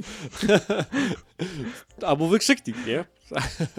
no, to- Nawet. wykrzyknik za chwilę, no to, to, dosłownie. Ale tak i przy okazji, wiesz, jak już jesteśmy przy tym temacie, o tym gadamy, to jak się zacząłem zastanawiać właśnie a propos tego cytatu w ogóle, czy promowanie gry poprzez wydawany budżet na nią, wiesz, ten jej budżet, czyli mówienie o tym, że szykujemy tytuł AAA, czy to ma dzisiaj sens w tym momencie? I wiesz, nawet już nie kupując ten temat Crazy Taxi, ale ogólnie tytułów, że zapowiadanie gry poprzez to, że robimy wam AAA. No. Niektórzy to nawet czy, już 4A robią, tam tak. To... Tak, nie pamiętam, kto ostatnio o tym quadruple A powiedział, ale było to przy okazji. Czy to czasem Skull and Bones nie było? Chyba tak. Chyba tak, nie? Jak, jak się tłumaczyli z tego ubi. 70 dolarów, nie? Że to jest quadruple A, e, tak naprawdę ta produkcja. O, Jesus, jakby to powiedzieć, sacre bleu. E, natomiast wracając tutaj do, do Segi i do Crazy Taxi i do twojego pytania o te jakby mm, pod kątem budżetu w, w grę, Um, Mhm. Wiesz co, na pewno można pod jakimś tam skalą, nie? Tak myśląc o tym zupełnie poważnie, tak? Kiedy myślimy sobie, że wiesz, gra jest powiedzmy tam do 50 milionów, tam 150 i 250, nie? To możesz się spodziewać mniej więcej jak duża będzie gra, nie? Ale to nic Mhm. oczywiście nie mówi tego, czy gra będzie dobra, czy zła, nie? No, mamy ostatnie przy, przykłady Immortals of Avium i bardzo dużych budżetów, które się nie spinęły pod e, sukces e, finansowy potem całej produkcji. E, choć trochę osób mm, lub podobała się ta produkcja, więc to zupełnie gdzieś tam inny temat. Natomiast mi zawsze tego rodzaju gadanie brzmi jak coś, co e, fajnie powiedzieć dla inwestorów. O, w sumie tak. To grupa docelowa rzeczywiście taka, której się to spodoba, że. Bartek, Bartek mnie nauczył takiego album. myślenia, żeby się zastanawiać, Mhm. do kogo to było powiedziane. E, jakby, I kto był odbiorcą tej informacji, nie? E, więc to mi się wydaje, że to było coś skierowane bardziej do, do inwestorów, e, których Sega oczywiście potrzebuje. e, Że, że pracują nad tymi grami i że to właśnie nie są tylko tam jakieś małe gry cyfrowe, które mają być na chwilkę dla graczy, tylko że robią Tylko triple. A. robią AAA grę. e, I Sega wydaje mi się to jest taki dziwny trochę twór, e, jako cała firma. E, Oni mają. on- Oni mają takiego dziwnego ducha, tak jakby ten, ten, za Segą ciągnie się taki dziwny vibe trochę od tego całego Dreamcasta i od Siemenów, że, że to jest takie, taka trochę dziwna ta, ta, ta marka. No i wiesz, ten ostatnio ten gościu, który stworzył tego, jak on się nazywał, Sonika, ten, co tam trafił do więzienia za jakiś insider trading i, i tak dalej. E, potem stworzył tego Balan Wonder, Wonderlanda, czy, czy jak to się zwało. E, Sega, Sega ma coś takiego dziwnego, że ja nigdy nie jestem do końca pewien tych ludzi, czy oni są tak no, totalnie na poważnie. E, no ale wiesz, ta informacja o tym AAA Crazy Taxi, a pamiętasz to, co już śmialiśmy się przed chwilką z tego, z tej super gry, nie? Którą oni w swoich mm -hmm. jakichś tam prezentacjach mieli, tak? Dla inwestorów, że pracują no, nad tak. super grą, nie? no, więc super Sega lubi, lubi takie rzucić, takie hasło, nie? I, i wiesz... Żeby... Ale rzeczywiście to jest dobry wniosek, dobry wniosek, który powiedziałeś, że trzeba ich ten, trzeba ich chyba Sega już teraz filtrować, wszystkie komentarze wokół ich tytułów właśnie pod tym kątem, że oni ewidentnie próbują, aktualnie prowadzą e, kampanię reklamową, marketingową pod kątem właśnie inwestorów i, i właśnie wszystkich takich osób związanych właśnie finansowo, bo to, to wszystko brzmi rzeczywiście idealnie pod to, że nie, nie, gracze, nie słuchajcie nas, nie, to teraz, teraz nie do was, nie do was. No. My tam robimy super gry, tak, rewolucja, niesamowite doświadczenia, AAA, Crazy tak. Taxi, więc no, to się, to się mi spina, rzeczywiście. Ma to sens. No. Dobra, to lećmy dalej, bo teraz, teraz też powiem ci, miałem zagwostkę, więc tutaj pytanie, bo chętnie poznam twoją teorię na to. Mm. Czyli zdrowa rywalizacja. E, we wpisie blogowym roczne podsumowanie Steam e, Valve poświęciło miejsce nie tylko Steam Deckowi, ale też konkurentom. Akapit zatytułowany Im więcej, tym lepiej brzmi. Nie jesteśmy jedynymi, którzy wydali świetny sprzęt w zeszłym roku. Wiele innych firm nie odpuściło tej samej okazji, by przedstawić użytkownikom komputery przenośne do gier o sporej wydajności, w tym produkty takie jak Asus ROG Ali, One X Player, e, One X Fly czy Ayano Air. Wszystkie te warianty zapewniają użytkownikom obszerny wybór opcji i półek cenowych dla przenośnej rozgrywki na PC i wynagradzają e, wkład wnoszony przez producentów w lepszą obsługę mniejszych ekranów oraz sterowania z użyciem kontrolera. Mamy nadzieję, że w 2024 roku zobaczymy jeszcze więcej komputerów przenośnych tego typu. No i tutaj pytanie do Ciebie, bo to mi się tak łączy z tym, co żeśmy rozmawiali o VR, że tam konkurencja właśnie nie pomaga w tym rozwoju. Mhm.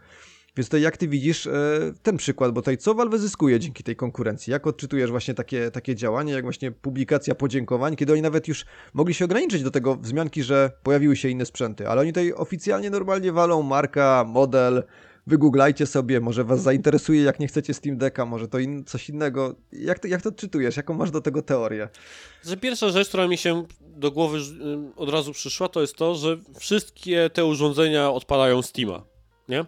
I tak jak Sony mhm. wypuściło portala, żeby przykuć ludzi do ich biblioteki gier na PS5 i żeby dalej zostawiali pieniądze na Play 5, to tak jakby im więcej tych sprzętów przenośnych powstaje, to Valve wie, że i tak na każdym tym sprzęcie przenośnym ludzie będą grali w gry ze Steama. E, więc e, to im graj, nie? Natomiast z drugiej perspektywy, jak sobie myślę o konkurencji pod kątem sprzętu i co nadaje, um, to ja bym to powiedział tak, że pozwala tobie, jako też jednemu z y, konkurentów, do testowania rozwiązań bez ich wprowadzania. I co ja tutaj mam na myśli? Że jeżeli mhm. tylko i wyłącznie ty jesteś ze swoim sprzętem na rynku i tylko ty dostarczasz jakiegokolwiek tam produkt, to wszelkie zmiany, wszelkie udogodnienia, jakiekolwiek feature'y, nazwijmy to, które chcesz wprowadzić, które mogą być klapą lub sukcesem, wprowadzasz ty. I ty bierzesz cały czas ryzyko na siebie, testowania tych innych rozwiązań, nie? Wiesz, tu panel dotykowy, tu mniejsze wibracje, tu głośniki audio, mhm. tu ekran OLED, tu HDR na małym, cokolwiek, nie? Ciągle to ty jesteś tą osobą. Jeżeli jest konkurencja wielu sprzętów, to różni producenci różne rzeczy próbują. I na przykład ludzie się śmieją z Google'a i tego, jak się miała to ich usługa zresztą nazywać, Stadia, tak? Że to nie wypaliło mm, i, i, tak, tak dalej. No ale wiesz, na porażce Google'a nie dość, że Google się czegoś nauczył, tak? Ja jestem nawet święcie przekonany, że może to było nawet zrobione nieco umyślnie, żeby po zbadać po prostu jak ten rynek to przyjmie i czy już jest czas na tego rodzaju rozwiązania. Ale może Xcloud i GeForce Now i te wszystkie inne systemy streamingowe, które obrały zupełnie inną politykę, może by popełniły błąd Stadia, gdyby nie Stadia popełniła tego błędu, tak? E, więc myślę sobie, że wiesz, odpowiadając na twoje pytanie, co Valve z tego ma, że są konkurencji na rynku, no to jest to, że nie musi być tym jedynym, tak, który tylko i wyłącznie musi testować rynek, starać się w Steam Decku 2 coś wymyśleć rewolucyjnego, tak, żeby mhm. ludzie chcieli kupić, tylko może popatrzeć, nie? A okej, okay, dobra, nie, to w takim razie ten Asus ROG, nie? Bo na przykład ja wiem, że on ma parametry chyba tam lepsze od tego Steam Decka, przynajmniej od jedynki, nie wiem jak to było z dwójką, ale Digital Foundry o tym mówiło, że on sobie lepiej radzi parametrowo, nie? Tylko, że raz, że on ma znacznie krótszą e, pracę na baterii, a dwa, że żeby osiągnąć te performance, które on potrzebuje, to on musi być wpięty do zasilania, nie? Bo on tam potem takie pobór mocy ma, że w ogóle na tych ultra ustawieniach, które robią wrażenie, to on nie jest w stanie w ogóle działać w takiej formie typowo handheldowej, nie? Mhm. No, no więc wiesz, no, Valve by musiało to robić samemu, sprawdzać i, i eksperymentować, patrzeć, Mhm, czy racja. gracze to chcą, czy nie. A tutaj to konkurencja, nie? Próbuje, tak? Bo każdy z oczywiście z tych firm Mhm. próbuje czymś zaistnieć, coś zrobić, czego inni nie mają. No i ty jako w, członek tego wyścigu korzystasz z tego, tak? Tak to, tak to No, widzę. racja. Jeszcze, I jeszcze w sumie to, co teraz powiedziałeś, czyli tak naprawdę mogą od razu zobaczyć, jaka jest reakcja społeczności graczy, czyli na przykład jeżeli nagle większa sprzedaż Asus Roga jest powiedzmy z tymi jego parametrami, czyli krótsza bateria, ale większa wydajność, no to w takim razie my robimy kolejny sprzęt w tą stronę, no bo widocznie gracze tego chcą, No. nie? A jeżeli widzą, że jednak nie, jeżeli gracze na to narzekają, no to wiemy, że idziemy w stronę baterii tak naprawdę, to no to ma to sens, rzeczywiście, że wiedza taka, że łączenie, łączenie sił w tym sensie, że w sensie rozwoju sprzętu tego i żeby, żeby łącznie ogólnie dostarczać coraz lepszą, coraz lepszą jakość, a samemu w to wszystko nie inwestując. No, to mi się, to mi się spina. I z goglami VR też tak e, było na początku, nie? E, kiedy Mhm. te, był taki wyścig zbrojeń, taki naprawdę na poważnie, kiedy był, wiesz, był ten, e, chyba Vive był, tak? Który robił. Było HTC, było Valve ze swoimi i tak dalej. Mhm. Tych firm, które robiło gogle, było bardzo dużo. E, i, Mhm. i, tak dalej. I to też właśnie ludzie na tym e, tak jakby korzystali, nie? Jeden wprowadził eye tracking, nie? Wow, nie? Wszystkie modele o konkurencji nagle wszyscy też nagle idą w eye tracking, tak? Tak. E, Ktoś wymyślił jakiś kształt kontrolerów, który się wypalił, sprawdził, był super i potem i konkurencja zaczęła kopiować i robić kontrolery bardzo podobne do, do, do tego, tak? Mhm. E, No, tylko że w VR akurat tak było, że chyba teraz, z tego co tak rozumiem, to po prostu zostali po tym całym wyścigu ci, którzy, nie wiem, czy na końcu, czy najlepiej się adaptowali do względ, względem zmian i, i ten wyścig tam troszkę jak wygasł. E, I teraz tak naprawdę, no jak myślę sobie o wyścigu VR, no to ja widzę teraz tylko Sony i Metę, tak? Apple z tym ich stałym tam, tam Vision Pro, tak? E, które, które stworzyło. Ale tak, inne firmy raczej już nie są tak prężnie działające, tak? Z nowymi headsetami, z, nowymi goglami, tak naprawdę. To się też porozdzielali, wydaje mi się, z tym, że, że do różnych grup odbiorców próbują dotrzeć. Na przykład nie wszyscy idą szeroko, nie? Bo też e, kojarzę, że HTC jeszcze działa z tymi, z tymi VR-owymi tematami, ale, ale właśnie na przykład ma jakby ofertę skrojoną chyba bardziej pod biznes, czy Mm. pod, pod, pod właśnie, wiesz, takie typowo, typowo zawodowe zastosowania, szkoleniowe, coś w tym stylu. Jakoś nie mówi się o tym w kontekście rozgrywki już Tak. w mniejszym na przykład, wiesz, w mniejszym, mniejszym e, w stylu na pewno. To, to, to rzeczywiście. I może to też nie pomaga. I tak sobie też pomyślałem jeszcze a propos tego właśnie e, całej tej konkurencji Steam Decka. To jest coś, co wspomniałeś przy tym okazji poprzedniego tego newsa. Mm, o tym, jak o Sony rozmawialiśmy. Że oni poprzez to, że e, w ogóle zainteresowanie graczy PC-owych taką formą rozrywki się pojawiło, to tutaj też e, Valve może myśli o tym, że właśnie większa liczba firm i jakby oferta szersza tych różnych sprzętów, konkurencję, obecność konkurentów tak naprawdę na tym rynku sprawia, że ci gracze większą falą nawet przechodzą na ten taki tryb zabawy Mhm. I ostatecznie później właśnie wiesz, ten tort jest większy, więc z którego można później tak naprawdę tych konkurentów za jakiś czas wyciąć poprzez na przykład oferowanie lepszego sprzętu, więc chyba na razie chodzi głównie o to przyciągnięcie Tak. do, tej, do tej grupy. Bo tak mi się to skojarzyło tym, co powiedziałeś, że rzeczywiście jakby nie patrzeć, gracze PC-towi do tej pory tak tradycyjnie podchodzący do zabawy, teraz trochę inny model przyjmują i może właśnie wiesz, może też pod tym kątem ta konkurencja tutaj e, sprzyja i Valve i, i w ogóle całemu temu segmentowi. No, dokładnie tak. No, więc ciekawe. Ale tak jak mówię, dla mnie to, y, jak ja Mhm. przeczytałem tego newsa, którego przygotowałeś, to taki, o, miły taki Gabe, pochwalił wszystkich, pogłaskał e, No, po no, głowie. no, no. Taki dobry wujek. Można? Można. Dobry wujek G- Tak. Gabe. Dobry wujek. Kolejny news jest e, związany ze zwolnieniami i choć mówiłem, że nie będziemy go wrzucać tak jakby każdej informacji, bo ich jest od zatrzęsienia. E, ja nie wiem, czy już to mówiłem w tym odcinku, bo chodziło mi to po głowie, że my już teraz wyprzedziliśmy wynik z poprzedniego roku chyba, jeśli chodzi o sumaryczną liczbę zwolnionych ludzi z studiów e, deweloperskich. E, Mhm. w, pierwszym kwartale 2024 już jest chyba wynik albo bliski, albo już ponad to, co działo się w 2023, więc no, e, niezwykle bym powiedział kiepskawo, jeśli chodzi o rynek pracy. Dlatego też nie będziemy mówić o wszystkim, ale są newsy, które są tak jakby trochę bliższe mi z różnych powodów i akurat o tym chciałem powiedzieć. EA tylko Sports. Electronic Arts ogłosiło plany restrukturyzacji, który przewiduje zwolnienie około 5% siły roboczej na całym świecie, co przekłada się na około 6, 670 pracowników. Prezes EA Entertainment Laura Mill potwierdziła anulowanie FPS-a Star Wars. Według plotek miała to być adaptacja serii, e, serialu Mandalorian w studiu Respawn, tutaj jeszcze dodam. E, bardzo dużo osób się podjarało tym e, FPS-em, Mandalorianem od Respawn e, i zostało potwierdzone, że to jest jeden z skancelowanych projektów, więc chociażby z tego powodu warto o tym wspomnieć.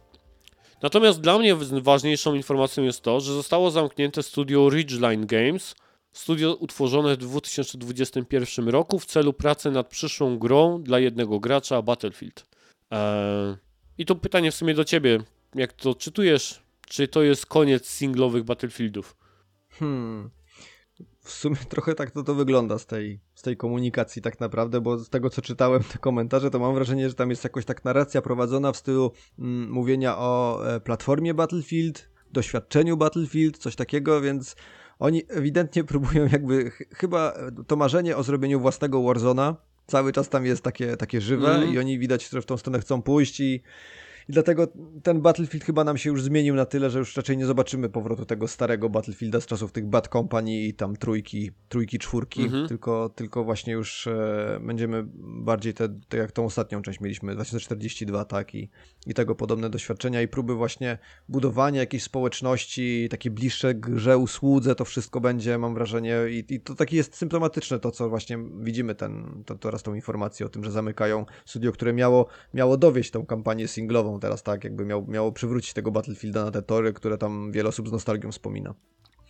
No, ale niestety, jak się okazuje, nie przywróci. Mhm.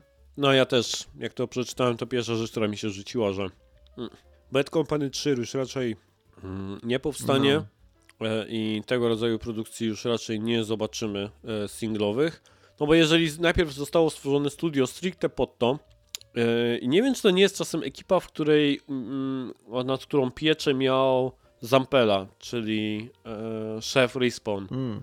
Bo on tam też, pamiętam newsy, gdzie jej potwierdzało, że Vince, e, który prowadzi Respawn jako head, e, ma też właśnie wziąć pod skrzydła po prostu singlowy experience dla serii Battlefield. E, I chyba albo miał coś do czynienia z tym studiem, mm, nie pamiętam teraz dokładnie.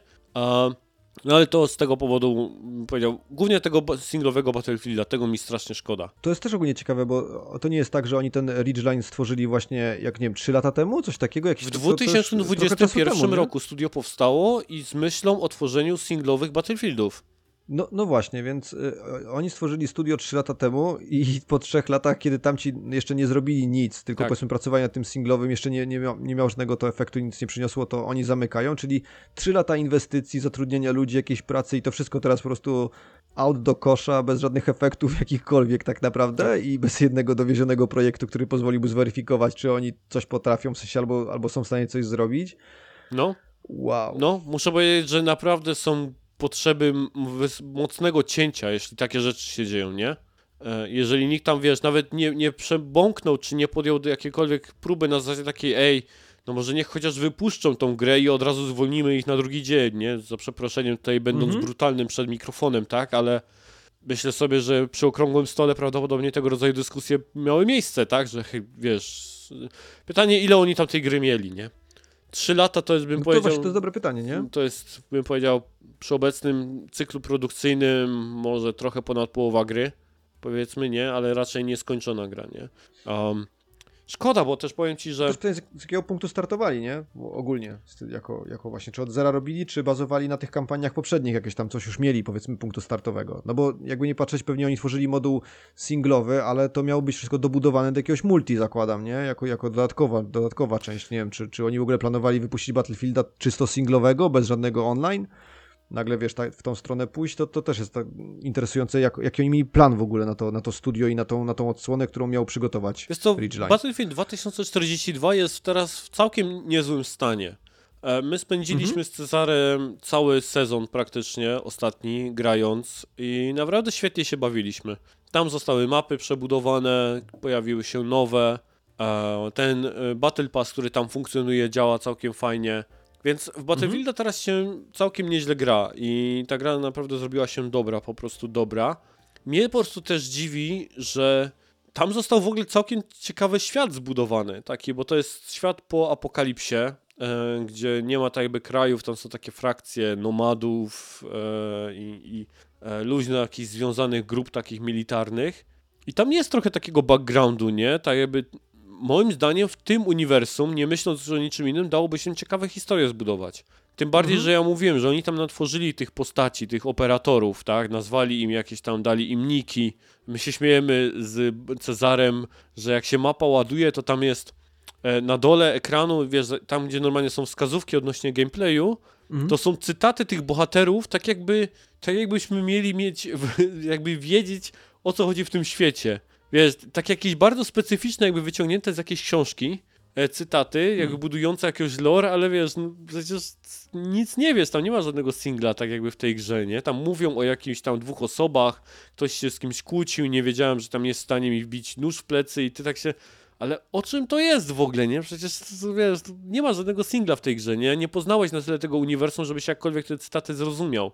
Ale jest coś tam, nie? Więc używając tych operatorów, mając ich gotowych, mając ten świat zbudowany, po prostu, nie wiem, wraz z każdym sezonem co trzy miesiące wy, wypuścić jakiegoś takiego epizoda, wiesz, na godzinę, dwa, No, no, no. wieczorem do, do zagrania singlowego. No, może, może i nawet to jest za, e, za ten mm, zbyt kosztowne, tak, do zrobienia. Ale moje pytanie jest w Mhm. ogóle do ciebie. Czy tworzenie singlowych FPS-ów ma jeszcze sens? Uch. Bo Znaczy, kurczę, chciałbym powiedzieć, że tak, no. A- Chciałbym, Ale, ale, widzi, ale, ale, ale nie wiem, czujesz albo w- masz taką percepcję tego, jak mało tego wychodzi? Mm, zdecydowanie. No, oprócz, oprócz jednego gatunku, bo boomer shootery się cały, na, nagle ożyły teraz się trzymają bardzo mocno, bo mam wrażenie, że miesiąc w miesiąc jest po, po kilka premier co najmniej takich boomer Tak. shooterów, które, No, no, no. które nawiązują do tych heksenów, dumów i tak dalej. No, coś takiego wychodzi, to tym jarają, faktycznie. to się nie dziwię. Ale takich Mhm. typowych singlowych shooterów, ten Immortals of Avian mi tutaj chodzi po głowie, że którym też był taki. Szczególnie po tym komentarzu tego, ja nie wrzucałem tego w raport, ale był taki ostatnio wywiad z em, szefem studia, e, które stworzyło Immortals of Avian i on tam mówił, że e, teraz z perspektywy czasu to produkcja tam 100 milionowego shootera FPS dla jednego gracza to szalony pomysł. Ja sobie tak pomyślałem, Mhm. Jesus Christ, to fakt to teraz co z kolejnym Doomem, nie? Takim, co z kolejnym Wolfensteinem. A jak sobie tak pomyślałem, na co my teraz czekamy, bo kiedyś tych singlowych, tych shooterów było od groma wychodziło. Każda platforma miała swoje first person shootery, a teraz tak jak Stalker na Xboxie i to jest chyba tyle, nie? Tak na serio. No, taka prawda. Ale to jeszcze w ogóle niesamowita jest ta historia FPS-ów, jak tak popatrzeć na gatunek, bo przecież e, jak, do, jeśli pamiętam czasy PlayStation 2 e, dobrze i na to, co tam się działo, to w pewnym momencie już przecież czuliśmy przesyt, narzekali wszyscy, że zalewani jesteśmy tymi FPS-ami, bo miesiąc w miesiąc ktoś serwował jakiegoś singleplayerowego, Mhm. wiesz, e, shootera, który tam miał różne pomysły na siebie, różne światy prezentował, różne historie. Tego było od groma i każdy już narzekał, że inne gatunki są po prostu wypierane i wszyscy nagle gramy tylko w strzelanki, że to przyszło jakby z pecetów na konsolę i nas, i nas to przytłacza. A teraz to, co mówisz, tak naprawdę nie ma nawet na co czekać i to jest e, chyba najbardziej symptomatyczne w tym wszystkim, gdzie my jesteśmy teraz z gatunkiem, to jest to, że e, Sony nie kwapi się z nowym Killzone'em, Mhm. a przecież to, a przecież mogłoby. E, Nintendo nie zależy na duchowym spadkobiercy GoldenEye'a czy Perfect Darka. Też, przecież to, to były też mocne shootery, to były rewolucje w swoim czasie. Mhm. E, tu roków też zresztą nie ma. E, nawet zobacz, że Microsoft wyrzucił tego jednego Halo i nie ma w tym momencie jakichś tam nawet przebąkiwania, jakichś teaserów tego, że Halo miałoby wrócić i w ogóle zresztą, żeby jakiś był ten szum duży o tym, że, że Halo zaraz będzie, więc mieliśmy takie kolosalne marki od głównych, tak jakby wiesz, wydawców, które były na, trochę napędzały tą, tą sprzedaż tych platform. Teraz ich nie ma i tak jak mówisz, czekamy tak naprawdę w tym momencie tylko na Stalkera, który też nie jest takim typowym, wydaje mi się, tutaj shooterem, tylko to jest takie połączenie trochę RPGa z, Mm. z shooterem, to też nie jest taki czysty, czysty wiesz, przedstawiciel gatunku. Gdzie jest Medal of Honor? Gdzie są te Ghost Recony, które kiedyś wychodziły przecież praktycznie co jakiś czas, jakieś Operation, Operation Flashpointy i tak dalej. No, mnóstwo mieliśmy tych, tych strzelanek rozmaitych, które tam, wiesz, a to były science fiction, a to były, a to były wojenne, czy, czy jakieś właśnie, wiesz, Rainbow Sixy i tak dalej. No, słabo to wygląda, że, że, że to wszystko tak w takim jest, e, takim jest punkcie. Trochę mi przypomina bijatyki, nie? Bijatyki też miały taki moment, że mm, były w takim kryzysie dołku, każdy mówił, że już się nie podniosą, że nigdy nie wyjdą z takiej swojej niszy i teraz jakby trochę odżyły, tak. wróciły jakby trochę na ten pierwszy plan, że teraz im jesteśmy, więc może to też jest taki teraz dołek tych FPS-ów, po którym za 3, 5, 7 lat wrócimy do tego, że ludzie poczują, że brakuje tego i jeden, drugi, trzeci tytuł się pojawi, gracze go ciepło przyjmą, bo, bo wyczekują już na to i będzie taki trochę przesyt tymi tylko sieciowymi strzelankami. Może wtedy doczekamy mm. się powrotu wielkiego, wiesz, Killzona czy tych innych marek. No, byłoby fajnie. No. Tak i wiesz, nawet sobie tak myślę o tym, że kiedyś takim pewniaczkiem, jeśli chodzi o singlowego shootera, oczywiście element e, multiplayerowy w codach zawsze był, ale kampanie mm -hmm. w codach to było takie no. Ja lubiałem, ja nie ograłem wszystkich, ja jestem gdzieś tam w tyle, jeśli chodzi o ogrywanie wszystkich codów, ale ja się dobrze bawię w kampaniach e, Call of Duty. One są mhm. zrobione z pompą, one są robione e, na fajnym poziomie, e, zarówno tak aktorsko, historycznie.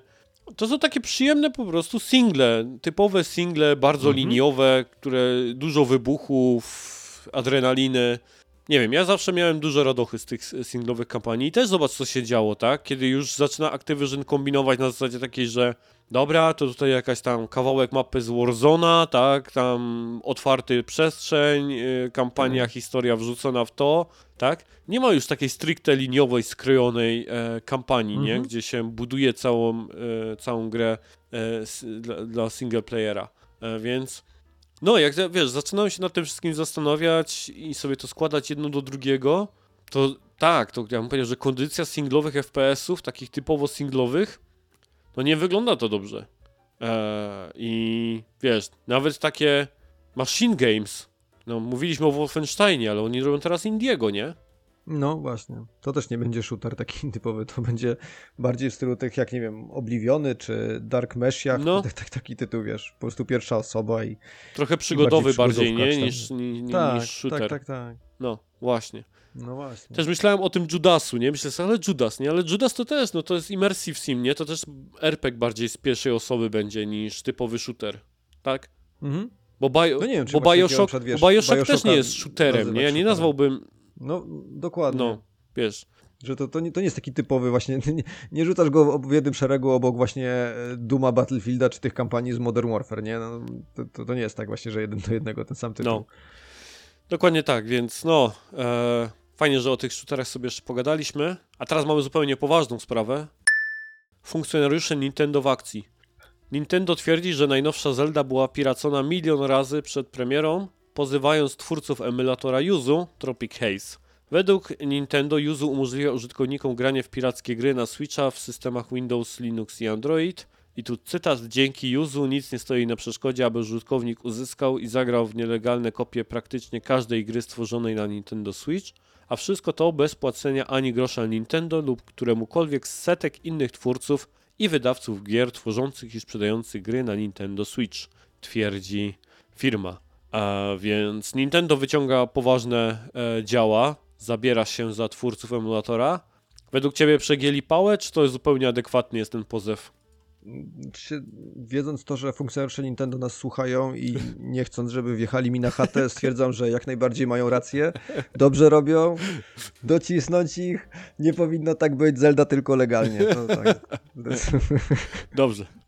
Nie, ale poważnie mówiąc, to ten, to wiesz co, to e, wydaje mi się, że to jest taka trochę próba zastraszenia chyba tych e, producentów emulatora, żeby oni mając e, przed sobą wizję potencjalnie batalii sądowej, która jest pewnie cholernie kosztowna, to sami wycofali się, podjęli decyzję, że, że wycofują ten emulator, zamykają go, czy tam gdzieś schodzą bardziej do podziemia, bo im też zresztą nie pomaga na pewno fakt, że mają tam uruchomionego tego Patronite'a chyba i zbierają mm. te, te dotacje tak oficjalnie na działanie, tak. to to raczej nie jest coś, co dodatkowo nie prowokuje takiego wydawcy jak Nintendo, który z jednej strony widzi, że o, milion nam uciekł, tutaj sprzedanych sztuk tam razy, razy, razy coś tam przelicznik, a tutaj z drugiej strony widzą tam wpływy e, patronajtowe dla, dla wiesz, dla, mhm. dla samych twórców twórców emulatora, więc no pod tym względem to wygląda mi to na takiego straszaka trochę ze, ze strony funkcjonariuszy Nintendo.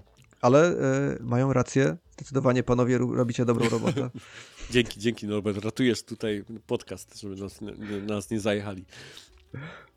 E, Tak, no więc ja też z jednej strony uważam, że no mają prawo, tak, do tego, um, ale też muszę być szczery, bo moje nastawienie jest takie, jeśli chodzi o emulację. Ja emulatory bardzo lubię i bardzo doceniam sobie roboty, które ludzie robią na emulatorach, ale ja o tym myślę tylko pod kątem grania w moją bibliotekę gier w momencie, kiedy sprzęt mi po prostu wyzienie ducha, tak? E, I nie będzie już mhm. sprawny.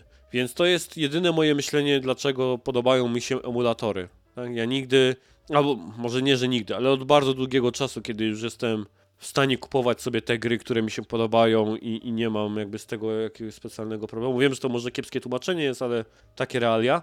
E, to nie myślę już zupełnie o graniu w emulatorach w jakieś tam gry z Advensa, czy SNESa, czy cokolwiek odpalania innego niż tylko te gry, na które mnie stać i które kupuję. Więc ten światek mnie zupełnie nie interesuje, tak? Ściąganie ROMów i tego rodzaju rzeczy. Dlatego ja propsuję emulację właśnie pod kątem starych sprzętów, które są już nie do kupienia i, i, i przestarzałe e, i gry, które macie kupione w pudełku po prostu by gniły, tak? Gdyby nie, nie można było je odpalać. Tak samo dlatego bardzo mi się podobają te maszynki, które jak Analog Pocket, tak? Czyli te mhm. emulacja bardziej hardware'owa tak, e, która też została stworzona tylko po to, żeby kadridże swoje oryginalne z Game Boya na przykład wkładać i ogrywać e, gry na nowym sprzęcie, co uważam, że jest po prostu mega. Natomiast jeśli chodzi o emulatory obecnie działających konsol, e, to mam krzywe na to spojrzenie, jeśli mam być, jeśli mam być szczery. Tak samo mam krzywe spojrzenie na wszelkiego rodzaju homebrew. Ja wiem, że niektórzy ludzie to lubią, żeby sobie tam na Wicie instalować różnego rodzaju custom softy e, istniejące, a wiem na przykład, że jest, to ktoś może potwierdzić w komentarzu, ale jeśli dobrze czytałem kiedyś o custom software do Vity, to nawet można go tak sposób spreparować, że ściągać wszystko, co jest w PlayStation Store w ogóle po prostu sobie na konsolę. E, bez, bez, bez płacenia za to. Więc e, ten praktycznie PlayStation Store staje otworem. E, nie wiem, czy to jest potwierdzone, ale w podcaście jednym słyszałem, że właśnie, że to jest gigantyczny problem na Wicie, e, że, że można było praktycznie mieć Stora za darmo. Ale tak jak mówię, i funkcjonujących i działających konsol obecnie emulatory wydaje mi się trochę przegięciem.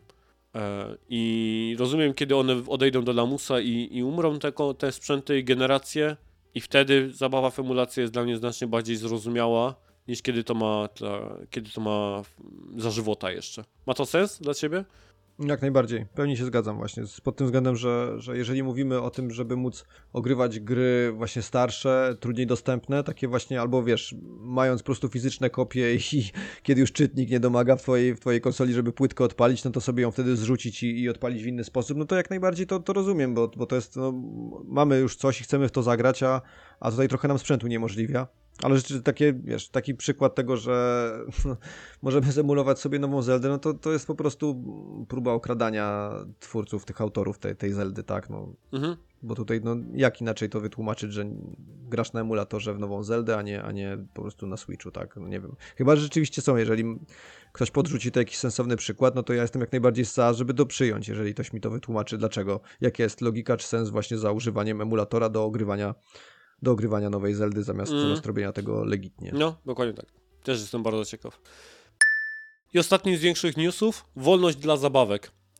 Z radością ogłaszamy, że Toys for Bob przekształca się w niezależne studio tworzenia gier.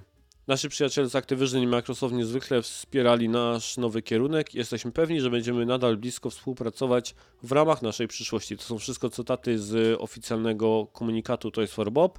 I tutaj jednak y, mała smutna wiadomość przy tym wszystkim. W marcu pojawi się ostatnia aktualizacja kontentu do Crash Rumble. Dla tych, którzy nie wiedzą, ostatnio pojawił się Crash Rumble, to jest taki multiplayerowy Crash e, dla wielu graczy. On miał chyba premierę jakieś pół roku temu, coś około tego. No więc nie zeżarło. E, ostatnia aktualizacja kontentu się pojawi w marcu i to będzie tyle, jeśli chodzi o tą grę. Ona będzie dalej grywalna, tam serwer nie będą włączone, ale po prostu się już nie będzie rozwijała. Pod jako, no prawdopodobnie po prostu z tego powodu, że Activision nie ma planów e, wspierania tej gry, a nie chcą ją oddać Toys for Bob na własność do wspierania jako studio niezależne. Tak? E, więc. Ale jak tą wiadomość przyjmujesz o tym Toys for Bob? Znaczy super, bo pierwsze takie newsy jakie były, że oni mieliby zostać zamknięci, a wiemy, że dowieźli ostatnio właśnie i Crasha i tą remaster tego Spyro, to remake Spyro w sumie dowieźli. Więc no świetną robotę pokazali, że potrafią zrobić i nie zasłużyliby na, na najgorszy los, więc super, że sytuacja się rozwiązała tak, jak się rozwiązała, czyli że będziemy dalej mogli dostawać od nich tytuły. To jest niezwykle utalentowana ekipa. E, biorąc pod uwagę z tym, mm -hmm. co mhm. zrobili z tymi markami właśnie Spyro e, i Crash, te, te ostatnie odsłony, byłem pod mega ogromnym wrażeniem e, tego, te, mm -hmm. tego, co zrobili, więc wiem, że na pewno jest tam talent, że mają umiejętności i jestem, tak jak mówisz, bardzo ciekaw tego, co oni kolejne zrobią. Ciekawy mnie też ten, ten komentarz odnośnie tego, że jak bardzo ciepło się wypowiadali na temat Activision Blizzard i o współpracy, i myślę sobie, że oni chyba dalej myślą o tych markach, które należą do Activision Blizzard, że będą mhm. je robić. E, tylko wiesz, bez e, finansowego, finansowego ryzyka dla Activision i dla Microsoftu. Mhm. Bo to jest moje pytanie, które tutaj tak dosyć, jak to mogę nazwać, bo słyszałem to na szkoleniu ostatnio, zaczepno podchwytliwe pytanie. Czy Sony powinno to samo zrobić ze swoimi studiami PS Studios? A pomyślałem sobie o tym, że a co jakby świat był bez zupełnie ekskluzywnych e, tytułów, albo może ekskluzywnych tytułów tak jak Final Fantasy VII Rebirth, nie? Mhm. E, bo, bo na przykład pomyśl sobie korzyść z takiego Final Fantasy VII Rebirth, tak? A z kolejnego Horizona, czy kolejnego Spidermana. Sony zapłaciło za cały development. Wzięło na siebie koszty developmentu, ryzyka z tym związane i też ryzyka zysku, jaki na tej grze y, się pojawił, tak? Przy takim mhm. Final Fantasy VII Rebirth nie zrobiło zupełnie nic, tak, oczywiście poza tymi umowami, które się dzieją w tle i z każdej kopii z Finala ma 30%, nie? No. I teraz ja się tak zastanawiam właśnie, czy jakby tak wszystkie studia gdzieś PlayStation na przykład pozwolić im do pracy gdzieś tam niezależnej, albo tym ekipom, które są w trudnej sytuacji, E, żeby po prostu, wiesz, no sami wzięli tak jakby w, w, swoje ręce robotę i produkowali gry na co im się chce i na wiele platform. Najwyżej Sony może z nimi podpisywać deale na czasową ekskluzywność albo na w ogóle na mhm. ekskluzywność i różnego rodzaju takie, takie sprawy, nie? Nie wiem, w ogóle coś takiego jakby ma sens? Coś ci się pojawia, że to mogłoby jakoś działać? Czy na pewno wolałbym taki scenariusz niż, wiesz, newsy, że zamykamy kolejne ekipy tam utalentowane, które tam później muszą ci ludzie szukać sobie nowego zajęcia, albo właśnie, wiesz, za chwilę łączyć się w jakieś inne studio i startować od zera jako, jako indie deweloperzy, więc jeżeli byłaby właśnie taka, tak, taka możliwość, że, że studio, które wykazywało do tej pory fajne pomysły, robiło fajne rzeczy i teraz tak właśnie jak ktoś z For Bob może się, może się uratować, i dalej, i dalej nam dowozić fajne gry, no to jak na razie tak, tak najbardziej taki scenariusz jest dla mnie, dla mnie okej, okay, więc ja tutaj, wiesz, nie będę się wtedy obrażał, że o nie, nagle wy, wypada, wiesz, z takiej marki właśnie, że nie jest już PlayStation Studios tak typowo jeden do jednego. Dla mnie to nadal są autorzy, którzy dowożą gry, a my będziemy mieli co, co do grania i na to patrzę z tej perspektywy, bo to, to, to jest głównie dla nas tak naprawdę, nie? Mm. Wiesz, no bo ja sobie myślę na tej generacji i to trochę jakby łączy się z tym, co Piechu napisał o tym, jak ona jest fatalna, nie? Mhm. Ale te gry, które wychodzą i które tak kupujemy na tej piątce, czy kogokolwiek to naprawdę interesuje, czy to jest PlayStation Studios, czy nie? Tak? Czy, czy przy tym Rebirthie, czy przy tej mhm. Personie, czy Jakuzie, które wychodziły, tak? A, a wiemy, że Sony też no też za, zagoniło się w taki trochę róg z tymi swoimi produkcjami bardzo singlowymi, z mega kosztowną produkcją, z ogromnymi budżetami i teraz, wiesz, no Herman Hulstey mówi, że muszą podjąć działania, żeby dalej dostarczać tego rodzaju gry, ale ja nie wiem, czy oni są w stanie dalej dostarczać tego rodzaju gry, tak? Przy takim prędkości no. wytwarzania na takim budżecie i takiej skali. Eee, a zacząć, wiesz, wytwarzać nagle gry mniejsze, no to to też nie jest tak, nie? Że drużyna, która przyzwyczaiła nas do grania w Champions League rok po roku i wiecie, no dobra, teraz od przyszłego sezonu gramy gdzieś tam w okręgówce, nie? No, dokładnie poprzeczkę zawiesili już wysoko i teraz cokolwiek nie wydadzą, nie przygotują kolejnego, to i tak będzie porównywane do tego, co już było, mm. nie? Zresztą w samych recenzjach będziemy czytali, że tytuł świetny, pomysłowy, to na plus, to na plus, to na plus, to na plus, ale w ogólnym rozrachunku wypada gorzej niż Spider-Man albo Horizon wydane tam 5 lat temu, albo The Last mm. of Us wydane powiedzmy 7 lat temu, nie? Będą, zawsze się będą pojawiać takie i już samo to będzie budowało narrację, która właśnie będzie sprawiała, że wiesz, że będą no, odbierane trochę negatywnie no. I, I, będą właśnie później, wiesz, w internecie całe będą dyskusje wokół tego, że e, się nie nie rozwijamy, tylko że się cofamy, no bo, bo nie dostajemy tych tytułów, które są jeszcze bardziej rozmuchane. Więc jak mówisz, to jest trochę rzeczywiście ślepa uliczka, w której oni teraz są i, i tu jest problem, jak z tego wybrnąć, bo, bo tu jest e, rzeczywiście, rzeczywiście, wiesz, nie ma dobrego, dobrego wyjścia. Plus jeszcze do tego doliczmy to, że oni przecież e, strasznie zapędzili z e, tymi grami usługami, o których zresztą teraz nagle niewiele mówią. Mhm. O strategii też praktycznie o nich nic nie ma, więc żeby zaraz się nie okazało, że nie tyle jest trzeba wyjść z tego właśnie narożnika z jakąś, z jakąś tej pomysłem, co jeszcze do tego potrzeba na to czasu, bo się na przykład okazuje, że projekty, które były tej pory rozgrzebane są w ogóle, nie wpisują się w nową strategię, w nowy pomysł, I więc tutaj jeszcze może się okazać, że kilka lat nas czeka, zanim w ogóle coś dostaniemy, a później te kilka lat, zanim coś dostaniemy i jeszcze nie musimy koniecznie dostać właśnie tego, co mówisz. Tak rozbujanych, tak dużych, tak efektownych pozycji, więc jakie wtedy będzie wrażenie, że czekamy 5-6 lat i dostajemy coś, co jest gorsze od tytułu, który był wydany 8 lat temu, 6 lat temu? Wiesz, nawet To co wy robiliście, czym wy się zajmowaliście, nie? gorsze to też tutaj trzeba cypsyki zrobić, nie? Bo wiesz, ja na przykład myślę sobie, że dostaniemy dobrego tak, tak. ko- drugą część Ghost of Tsushima, ale że on będzie na przykład Mhm. połową kontentu. Wiesz, że będzie No mniejsza mapa, że będzie krótsza historia, że będzie mniej tych questów i tak dalej, że on będzie połowę krótszy, po prostu połowę mniejszy, tak? Ale cena będzie dalej taka I sama, nie? droższy. No, Albo droższy. albo jeszcze będzie, droższy, wiesz, al, 10 dolarów, albo droższy. No. albo droższy, nie? E, więc właśnie, nie? jak tutaj wy, wybrnąć z tego? Ja to już mówiłem też, wyda... ktoś, kto może słucha podcastów naszych, e, pewnie to pamięta, ale ja mówiłem, Sony na przykład nie może sobie pozwolić z tytułem PlayStation Studios 7 na 10. Mhm. Przecież to by było tak jakby, z, wiesz, wybudowali sobie pewną markę, tak jakby pewne zrozumienie graczy, o czym też Halst mówił, tak, że gracze oczekują pewnych rzeczy od nich, nie, na, na odpowiednim poziomie, więc jakby teraz się pojawi, pojawił następny The Last of Us i będzie tylko 7 na 10, to by prawdopodobnie oznaczało, że Naughty Dog będzie w tarapatach, tak, jeśli chodzi o, o funkcjonowanie i o istnienie. Coś to w ogóle sobie nie myślimy, tak, jakiś czas temu w ogóle sobie nie myśleliśmy, tak, Naughty Dog to był to po prostu ten top, nie, to była ta górna półka, tak, o której myśleliśmy, że, że oni są nie do ruszenia, praktycznie, wiesz, bogowie kodu, nie, jeśli Mhm. chodzi o game dev. A teraz sobie myślimy, że kurczę, może to nie, zupełnie nieopłacalne jest tak jakby robienie kolejnej gry, nie? Zresztą Naughty Dog to w ogóle to jest ciekawy temat, bo po tym jak ten Fraction zostało usunięte, to co oni tam teraz robią? Eee, no jestem bardzo ciekaw, co tam się dzieje w, w Naughty Dog. Ym, I co tam dokładnie się podziało z tym Fractions, no. Ale ciekawa rozkmina mi się pojawiła. Przy okazji tego, pojawi- tego pójścia w niezależność Mhm. tego Toys for Bob, nie?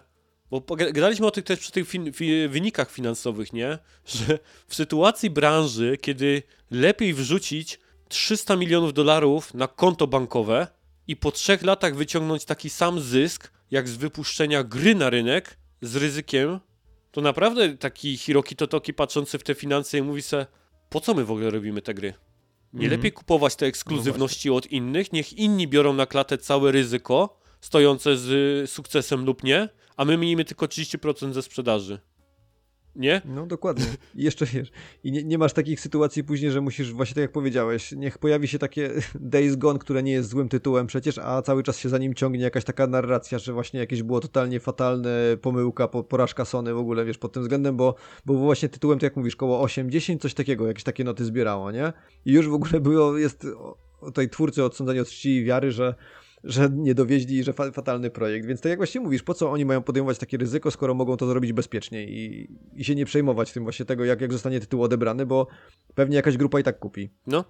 A sami twórcy chcieliby na pewno wydawać na wszystkie konsole, bo to też jest takie raczej znajoma, tak, że osoby pracujące w Naughty Dog chciałyby, żeby w ich gry grali na wszystkich platformach, nie? I to chyba jest też, wydaje mi się, zrozumiałe, tak, że każdy twórca myślący tak kreatywnie i twórczo o swoim grze, tak jakby tym, co tworzy, to chciałby, żeby grali to jak najwięcej liczba graczy, nie?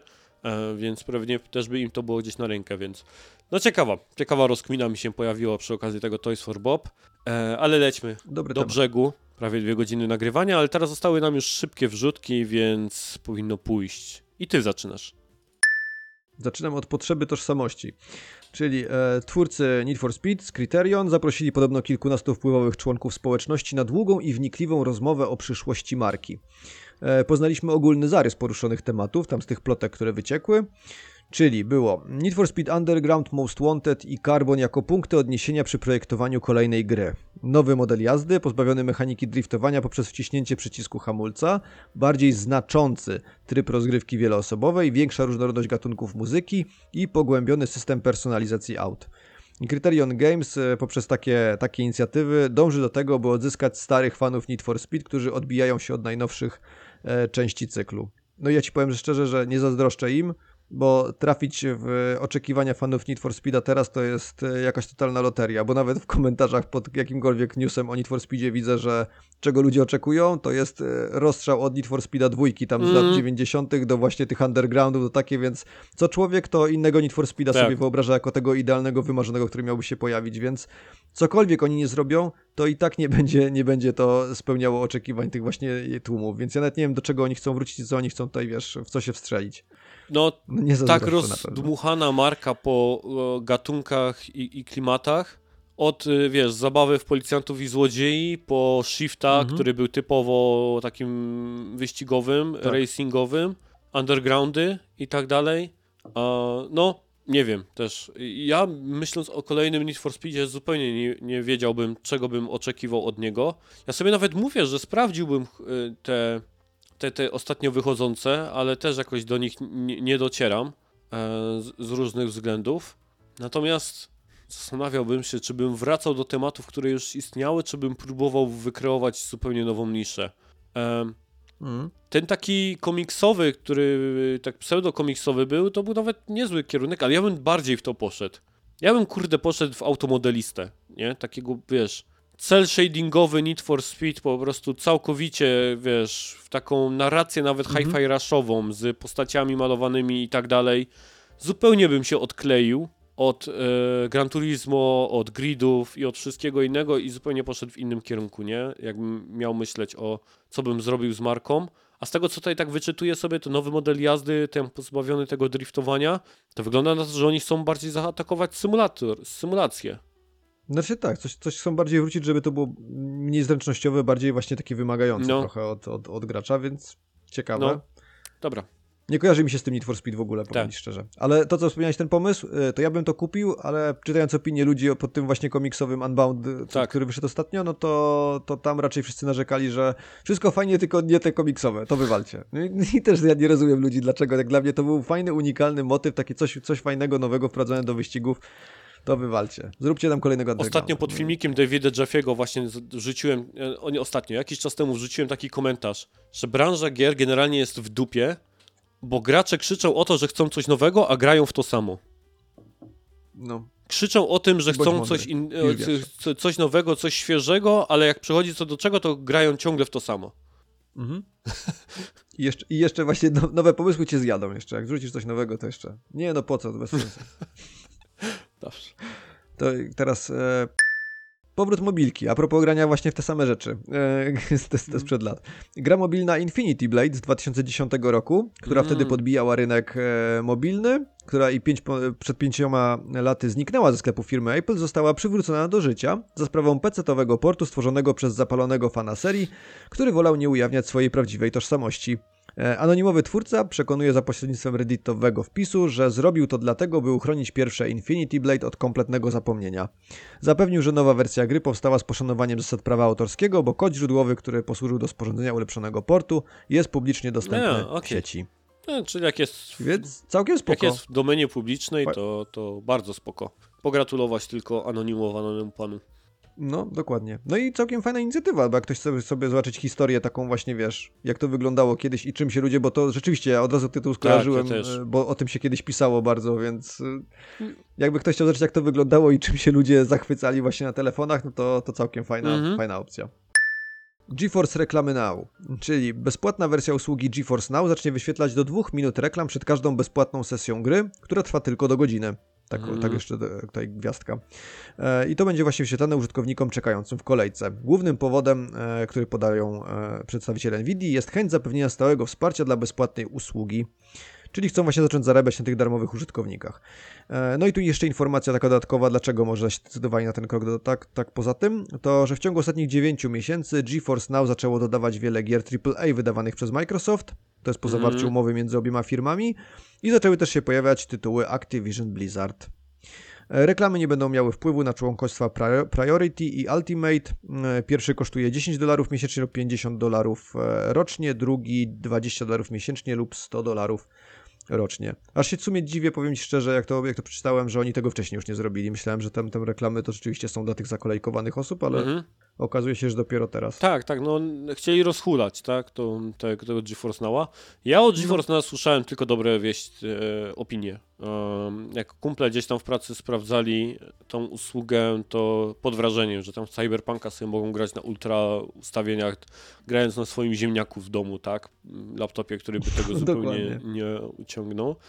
Ale powiedz mi, ten GeForce Now funkcjonuje w ten sposób, że płacisz te 50 dolców i to jest taki Game Pass, że tam te gry są, czy potem te gry musisz kupować? Bo kiedyś to działało to tak, że masz tak, tam że- dostępną swoją bibliotekę Steam, nie?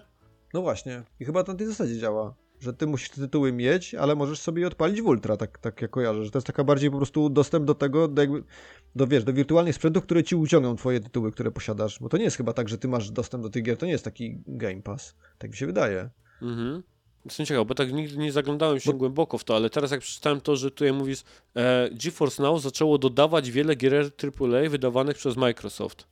To by tak, W sensie zakładam, że obsługę, wiesz, że obsługę tych gier chyba, że możesz w nie zagrać właśnie, bo tam chyba nie wszystkie gry właśnie z tych z twojej biblioteki były dostępne do grania przez, przez GeForce Now. Bo tak A, kiedyś okej. wiem, że jak się tym interesowałem na samym początku, to wiesz, to mogłeś uruchomić, ale nie wszystkie, nie? I oni tam po prostu pos- poszerzali Mm. stopniowo tą tytuły, które, które są dostępne, więc teraz chyba zaczęły się pojawiać te, tak, tak Okej. rozumiem. Dobra, teraz czaję jak to może działać. No tak, że masz udowodnione, że masz, jesteś właścicielem tej gry, dlatego GeForce Now ci jakby ze swojej bazy umożliwia granie w to, tak? E, Z ustawieniami Hmm. w chmurze. Okej, dobra. No, czaję teraz. Następny news, teraz już ja. Drogie szaty króla. E, Szef serii Tekken, Katsuhiro Harada, stwierdzi, twierdzi, że rosnące koszty rozwoju wymusiły włączenie mikrotransakcji do najnowszej odsłony serii, twierdząc, że koszty tworzenia tych gier jest, e, są dziesięciokrotnie wyższe niż w latach 90. Dziesięciokrotnie wyższe niż w latach 90. w ogóle. E, I to jest rozbrajający mnie komentarz, który jakby podsumowuje wszystkie nasze dyskusje na temat tworzenia gier, budżetów i dlaczego ta sytuacja wygląda tak, a inaczej. Harada powiedział również, że koszty produkcji Tekena 8 są ponad dwukrotnie lub prawie trzykrotnie wyższe niż koszty Tekena 7. Dwa, trzy razy więcej kosztowała produkcja e, ósemki od siódemki. To jest, e, no to, to robi wrażenie pod kątem takim, że chyba człowiek wydaje mi się powinien zaczynać rozumieć te wszystkie rzeczy, które dzieją się w branży e, i dlaczego o takich, a nie innych newsach tutaj rozmawiamy. E, więc... Dokładnie. E, no, znaczy ja nie twierdzę, żeby tam włączenie tych mikrotransakcji to był jakikolwiek problem. Moje zdanie na temat mikro to wszyscy e, znają. Natomiast ja muszę powiedzieć, że Harada mi tak imponuje zawsze w social mediach. On tam nie daje sobie wejść na głowę. Jak mu ktoś tam próbuje tam byczeć o jakieś tam nieodpowiednie dopasowanie kulturowe czy coś takiego, to zjedzie człowieka z góry na dół, postawi go do piodu, pokaże gdzie miejsce. Ale przynajmniej robi to w na takiej zasadzie, bym powiedział, kulturalnie, w sensie po prostu pokazuje człowiekowi, jak bardzo jest w błędzie i jak bardzo powinien Mhm. przemyśleć swoje zachowanie. To mi się strasznie podoba u, u, u niego i fajnie, że takie osoby jeszcze gdzieś w branży są. Kolejny news. Zhakowani czy nie zhakowani? Oto jest pytanie. Jak donosi Cyber Daily, gang występujących pod pseudonimem Mogilewicz zamieścił wiadomość na swojej stronie, że wyciekami, e, z wyciekami podając więcej informacji na temat rzekomego wycieku firmy Fortnite i Epic Game Store. Gang twierdzi, że wykradł 200 giga wrażliwych danych firmy. Natomiast Epic e, dzień później twierdzi, że prowadzi dochodzenie, ale obecnie nie ma żadnych dowodów na to, że te e, twierdzenia gangu są uzasadnione. Więc nie wiadomo, czy był, wy, czy był wyciek, czy nie był wyciek, ale e, w ostatnim czasie sporo tego się dzieje. E, tych ataków na różnego rodzaju studia i firmy, Mhm. a więc uważajcie tam, jak siedzicie w robocie i dostaniecie maila, to tam uważajcie w co klikacie. By the way, ostatnio bardzo fajny phishing się pojawia, który złudząco przypomina e, maile z Google Drive'a. E, że tam ktoś ci udostępnił dokument e, z komentarzem, coś takiego. Wyglądają wizualnie tak po Mm. prostu te maile z Google Drive'a. phishingowe takie attempty, więc no, uwaga tam, na co, co klikacie w mailach. Pomyłka na płytach z finalem, to uważaj Norbert, bo ty tam już podobno grasz, ale może źle. No, ale już za mną. Fizyczne japońskie wydanie Final Fantasy, a dobre japońskie. Japońskie wydanie Final Fantasy VII Rebirth ma nieprawidłowe etykiety na każdej płycie. Podczas drukowania płyta z danymi i płyta do odtwarzania zostały zamienione miejscami. Tej taka premiera, nie? Taki, taki, taki giga tytuł i taka, taka pomyłeczka, nie? No ale dobra, to tam jest. Wyobrażam z tego gościa, który to, który to powalił. Jak, Nie? Jak, Se- widział już, jak już widział, że się pomyłka, już idzie już taka masówka, Sepuku. już się tu drukują te nadruki lecą, nie? I tak. Sepuku gdzieś tam już jest, no niestety. Ciekawe, czy ktoś, się, czy ktoś się rzeczywiście utknął na tym teraz, wiesz, etapie instalacji, bo właśnie wkładał ten nie, niewłaściwą tą płytę i tam nic nie chce mu pójść takiej, nie wpadł na to, żeby spróbować tej drugiej, No. bo wiesz, po prostu...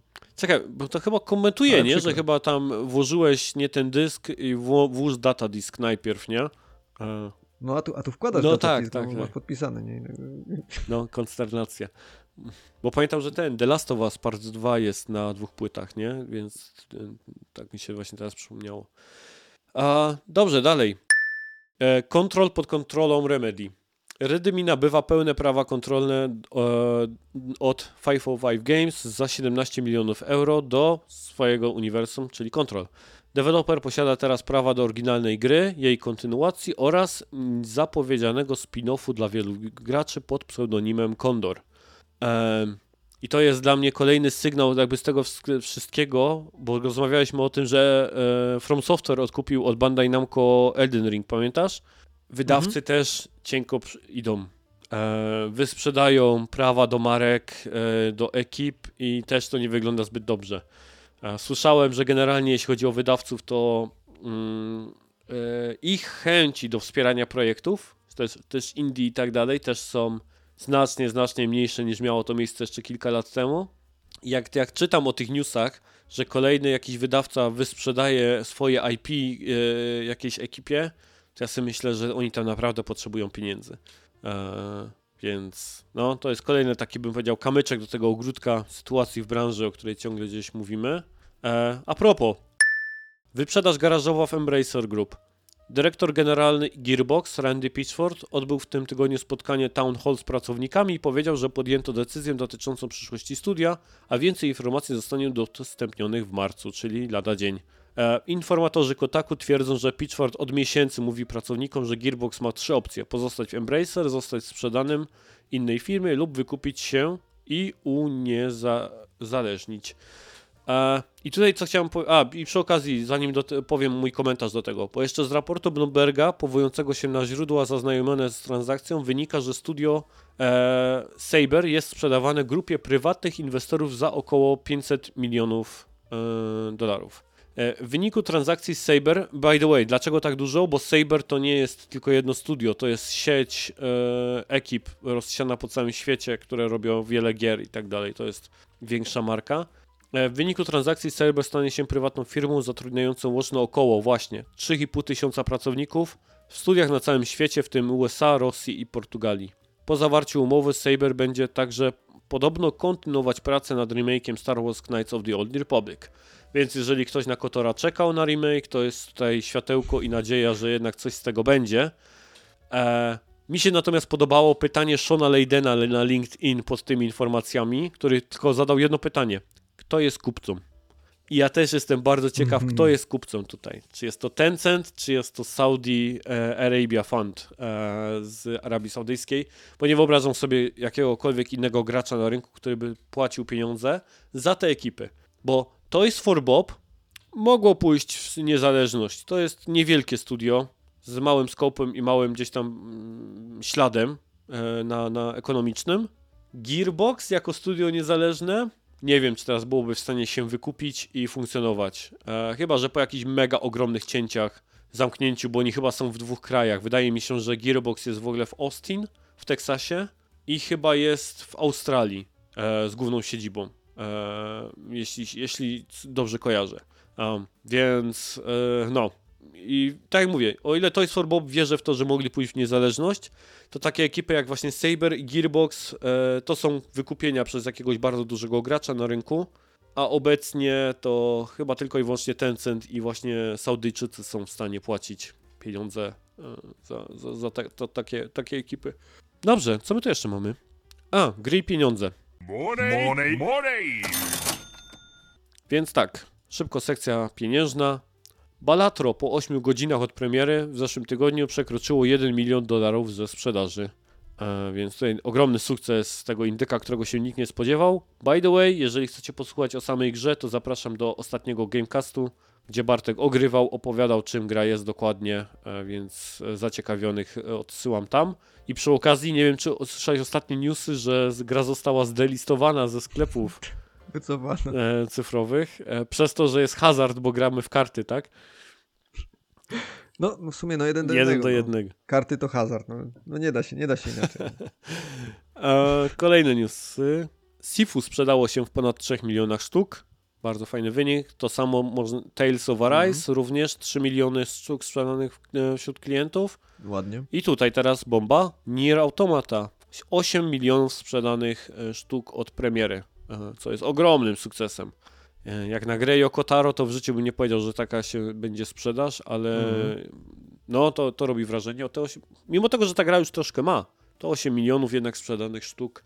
E, Wydaje mi się, że tutaj zadziałało takie społeczne e, uwielbienie dla tej gry. Bo cały czas, gdy jest ktoś coś mówi o tej grze bardzo ciepło i dużo i ona tak chyba wydaje mi się powoli sobie tak te, te kolejne kopie sprzedawała bardzo długo, no i 8 milionów na pewno wynik, który bardzo cieszy Square Enix. E, I według Valve w 2023 roku ponad 500 gier zarobiło na Steamie ponad 3 miliony dolarów przychodów brutto. I to te 500 gier zarobiło tyle? 3 miliony dolarów? Nie, każda z nich. A, każda z nich, okej. Każda z nich wydaje mi się. No. Wychodzi na to, że każda, bo oni tam coś się chwalili właśnie, że tak dużo, tak dużo tytułów, tak dużo zarobiło, nie? I w sensie, że, że liczebnościowo to nieźle wygląda. Mm. No ale to też tylko pokazuje, jaka sytuacja w branży, no nie? Jak, jak to dziwnie jest, że z jednej strony tutaj naprawdę wydawcy nie mają kasy, tutaj te projekty, tu są problemy, tutaj zwolnienia, a z drugiej strony mówimy o takiej liczbie tytułów, które zarobiły po 3 miliony na samym Steamie, więc Gdzie te pieniądze? dziwne, dziwny, dziwny jest ten świat. No właśnie, nie? Gdzie te pieniądze? Where's the money, Ale nie, no, Lebowski? dziwne czasy, tak naprawdę, no. No. Mm, klasyk. Dobrze, dotarliśmy do końca. Ponad dwie godziny znowu udało nam się raportu e, nagrać dla Was. Bardzo dziękujemy każdemu, kto do samego końca słuchał wszystkich wiadomości wspólnie z nami. My się świetnie bawiliśmy przy omawianiu newsów e, Norbertem. Mamy nadzieję, że również i Wy dobrze się bawiliście. Tradycyjnie zapraszam na raczej konsolowo na blog, na kanał YouTube, ale też dawno tego nie robiłem. Gralingrad.pl e, do wpisów przygotowanych przez Norberta, czy są to dzienniki Gran Turismo, czy inne wpisy. Ostatnio chyba mniej innych wpisów, nie? Te dzienniki Gran Turismo chyba tylko się ostatnio pojawiają, co? Tak, tak, tak, było to, ale no teraz będzie, będzie final teraz. A, no tak, teraz wjeżdża final, Bo już więc zapowiadam, że e, wjeżdża final. teraz będzie też i finalowo na Gralingradzie, więc również i do Norberta na, na, na portal zakład... e, czy tam na portal, na stronę. Zapraszam Was gorąco. Norbert, Tobie bardzo dziękuję za odcinek. Jakieś słowo na koniec? E, Sephiroth. Pięknie. na, na, na sam koniec, tak ze spoilerami to od razu, bo jakby ktoś nie wiedział, to w Rebirthie będzie. Sephiroth. Żadnych spoilerów. No, dokładnie. Ach, zazdroszczę ci, szczególnie tych scen na plaży, które już krążą po sieci i są e, pokazywane na lewo i prawo, więc no ja jestem bardzo ciekaw e, Rebirtha, e, ale co, chyba, słuchajcie, tak przy was wszystkich publicznie mogę tutaj powiedzieć, że Norbert pojawisz się na Gamecastie z Rebirthem, nie? Pojawię się. Obowiązkowo. No i dobrze, dobrze. Muszę, Nawet szybko muszę. zareagował, nawet bez, nie, nie zastanawiał się zbyt długo chłopak. Dobrze, to szczerze powiedział. Dobra, e, trzymajcie się wszyscy, dzięki bardzo, do usłyszenia w kolejnym raporcie. Na razie, papa. Pa. Cześć, cześć. Raport o grach to podcast w ramach bloga Raczej Konsolowo www.raczejkonsolowo.com Znajdziecie tam linki do drugiego podcastu Raczej Konsolowo Gamecastu oraz do kanału YouTube. Na samym blogu natomiast wpisy poświęcone grom wideo. Jeśli podobało Wam się to, co usłyszeliście tutaj, prosimy Was o recenzję i pozostawieniu dobrych ocen w serwisach podcastowych, co pomoże nam dotrzeć do większej grupy słuchaczy. Za wszystkie oddane głosy i recenzje serdecznie dziękujemy. Do następnego odcinka za dwa tygodnie.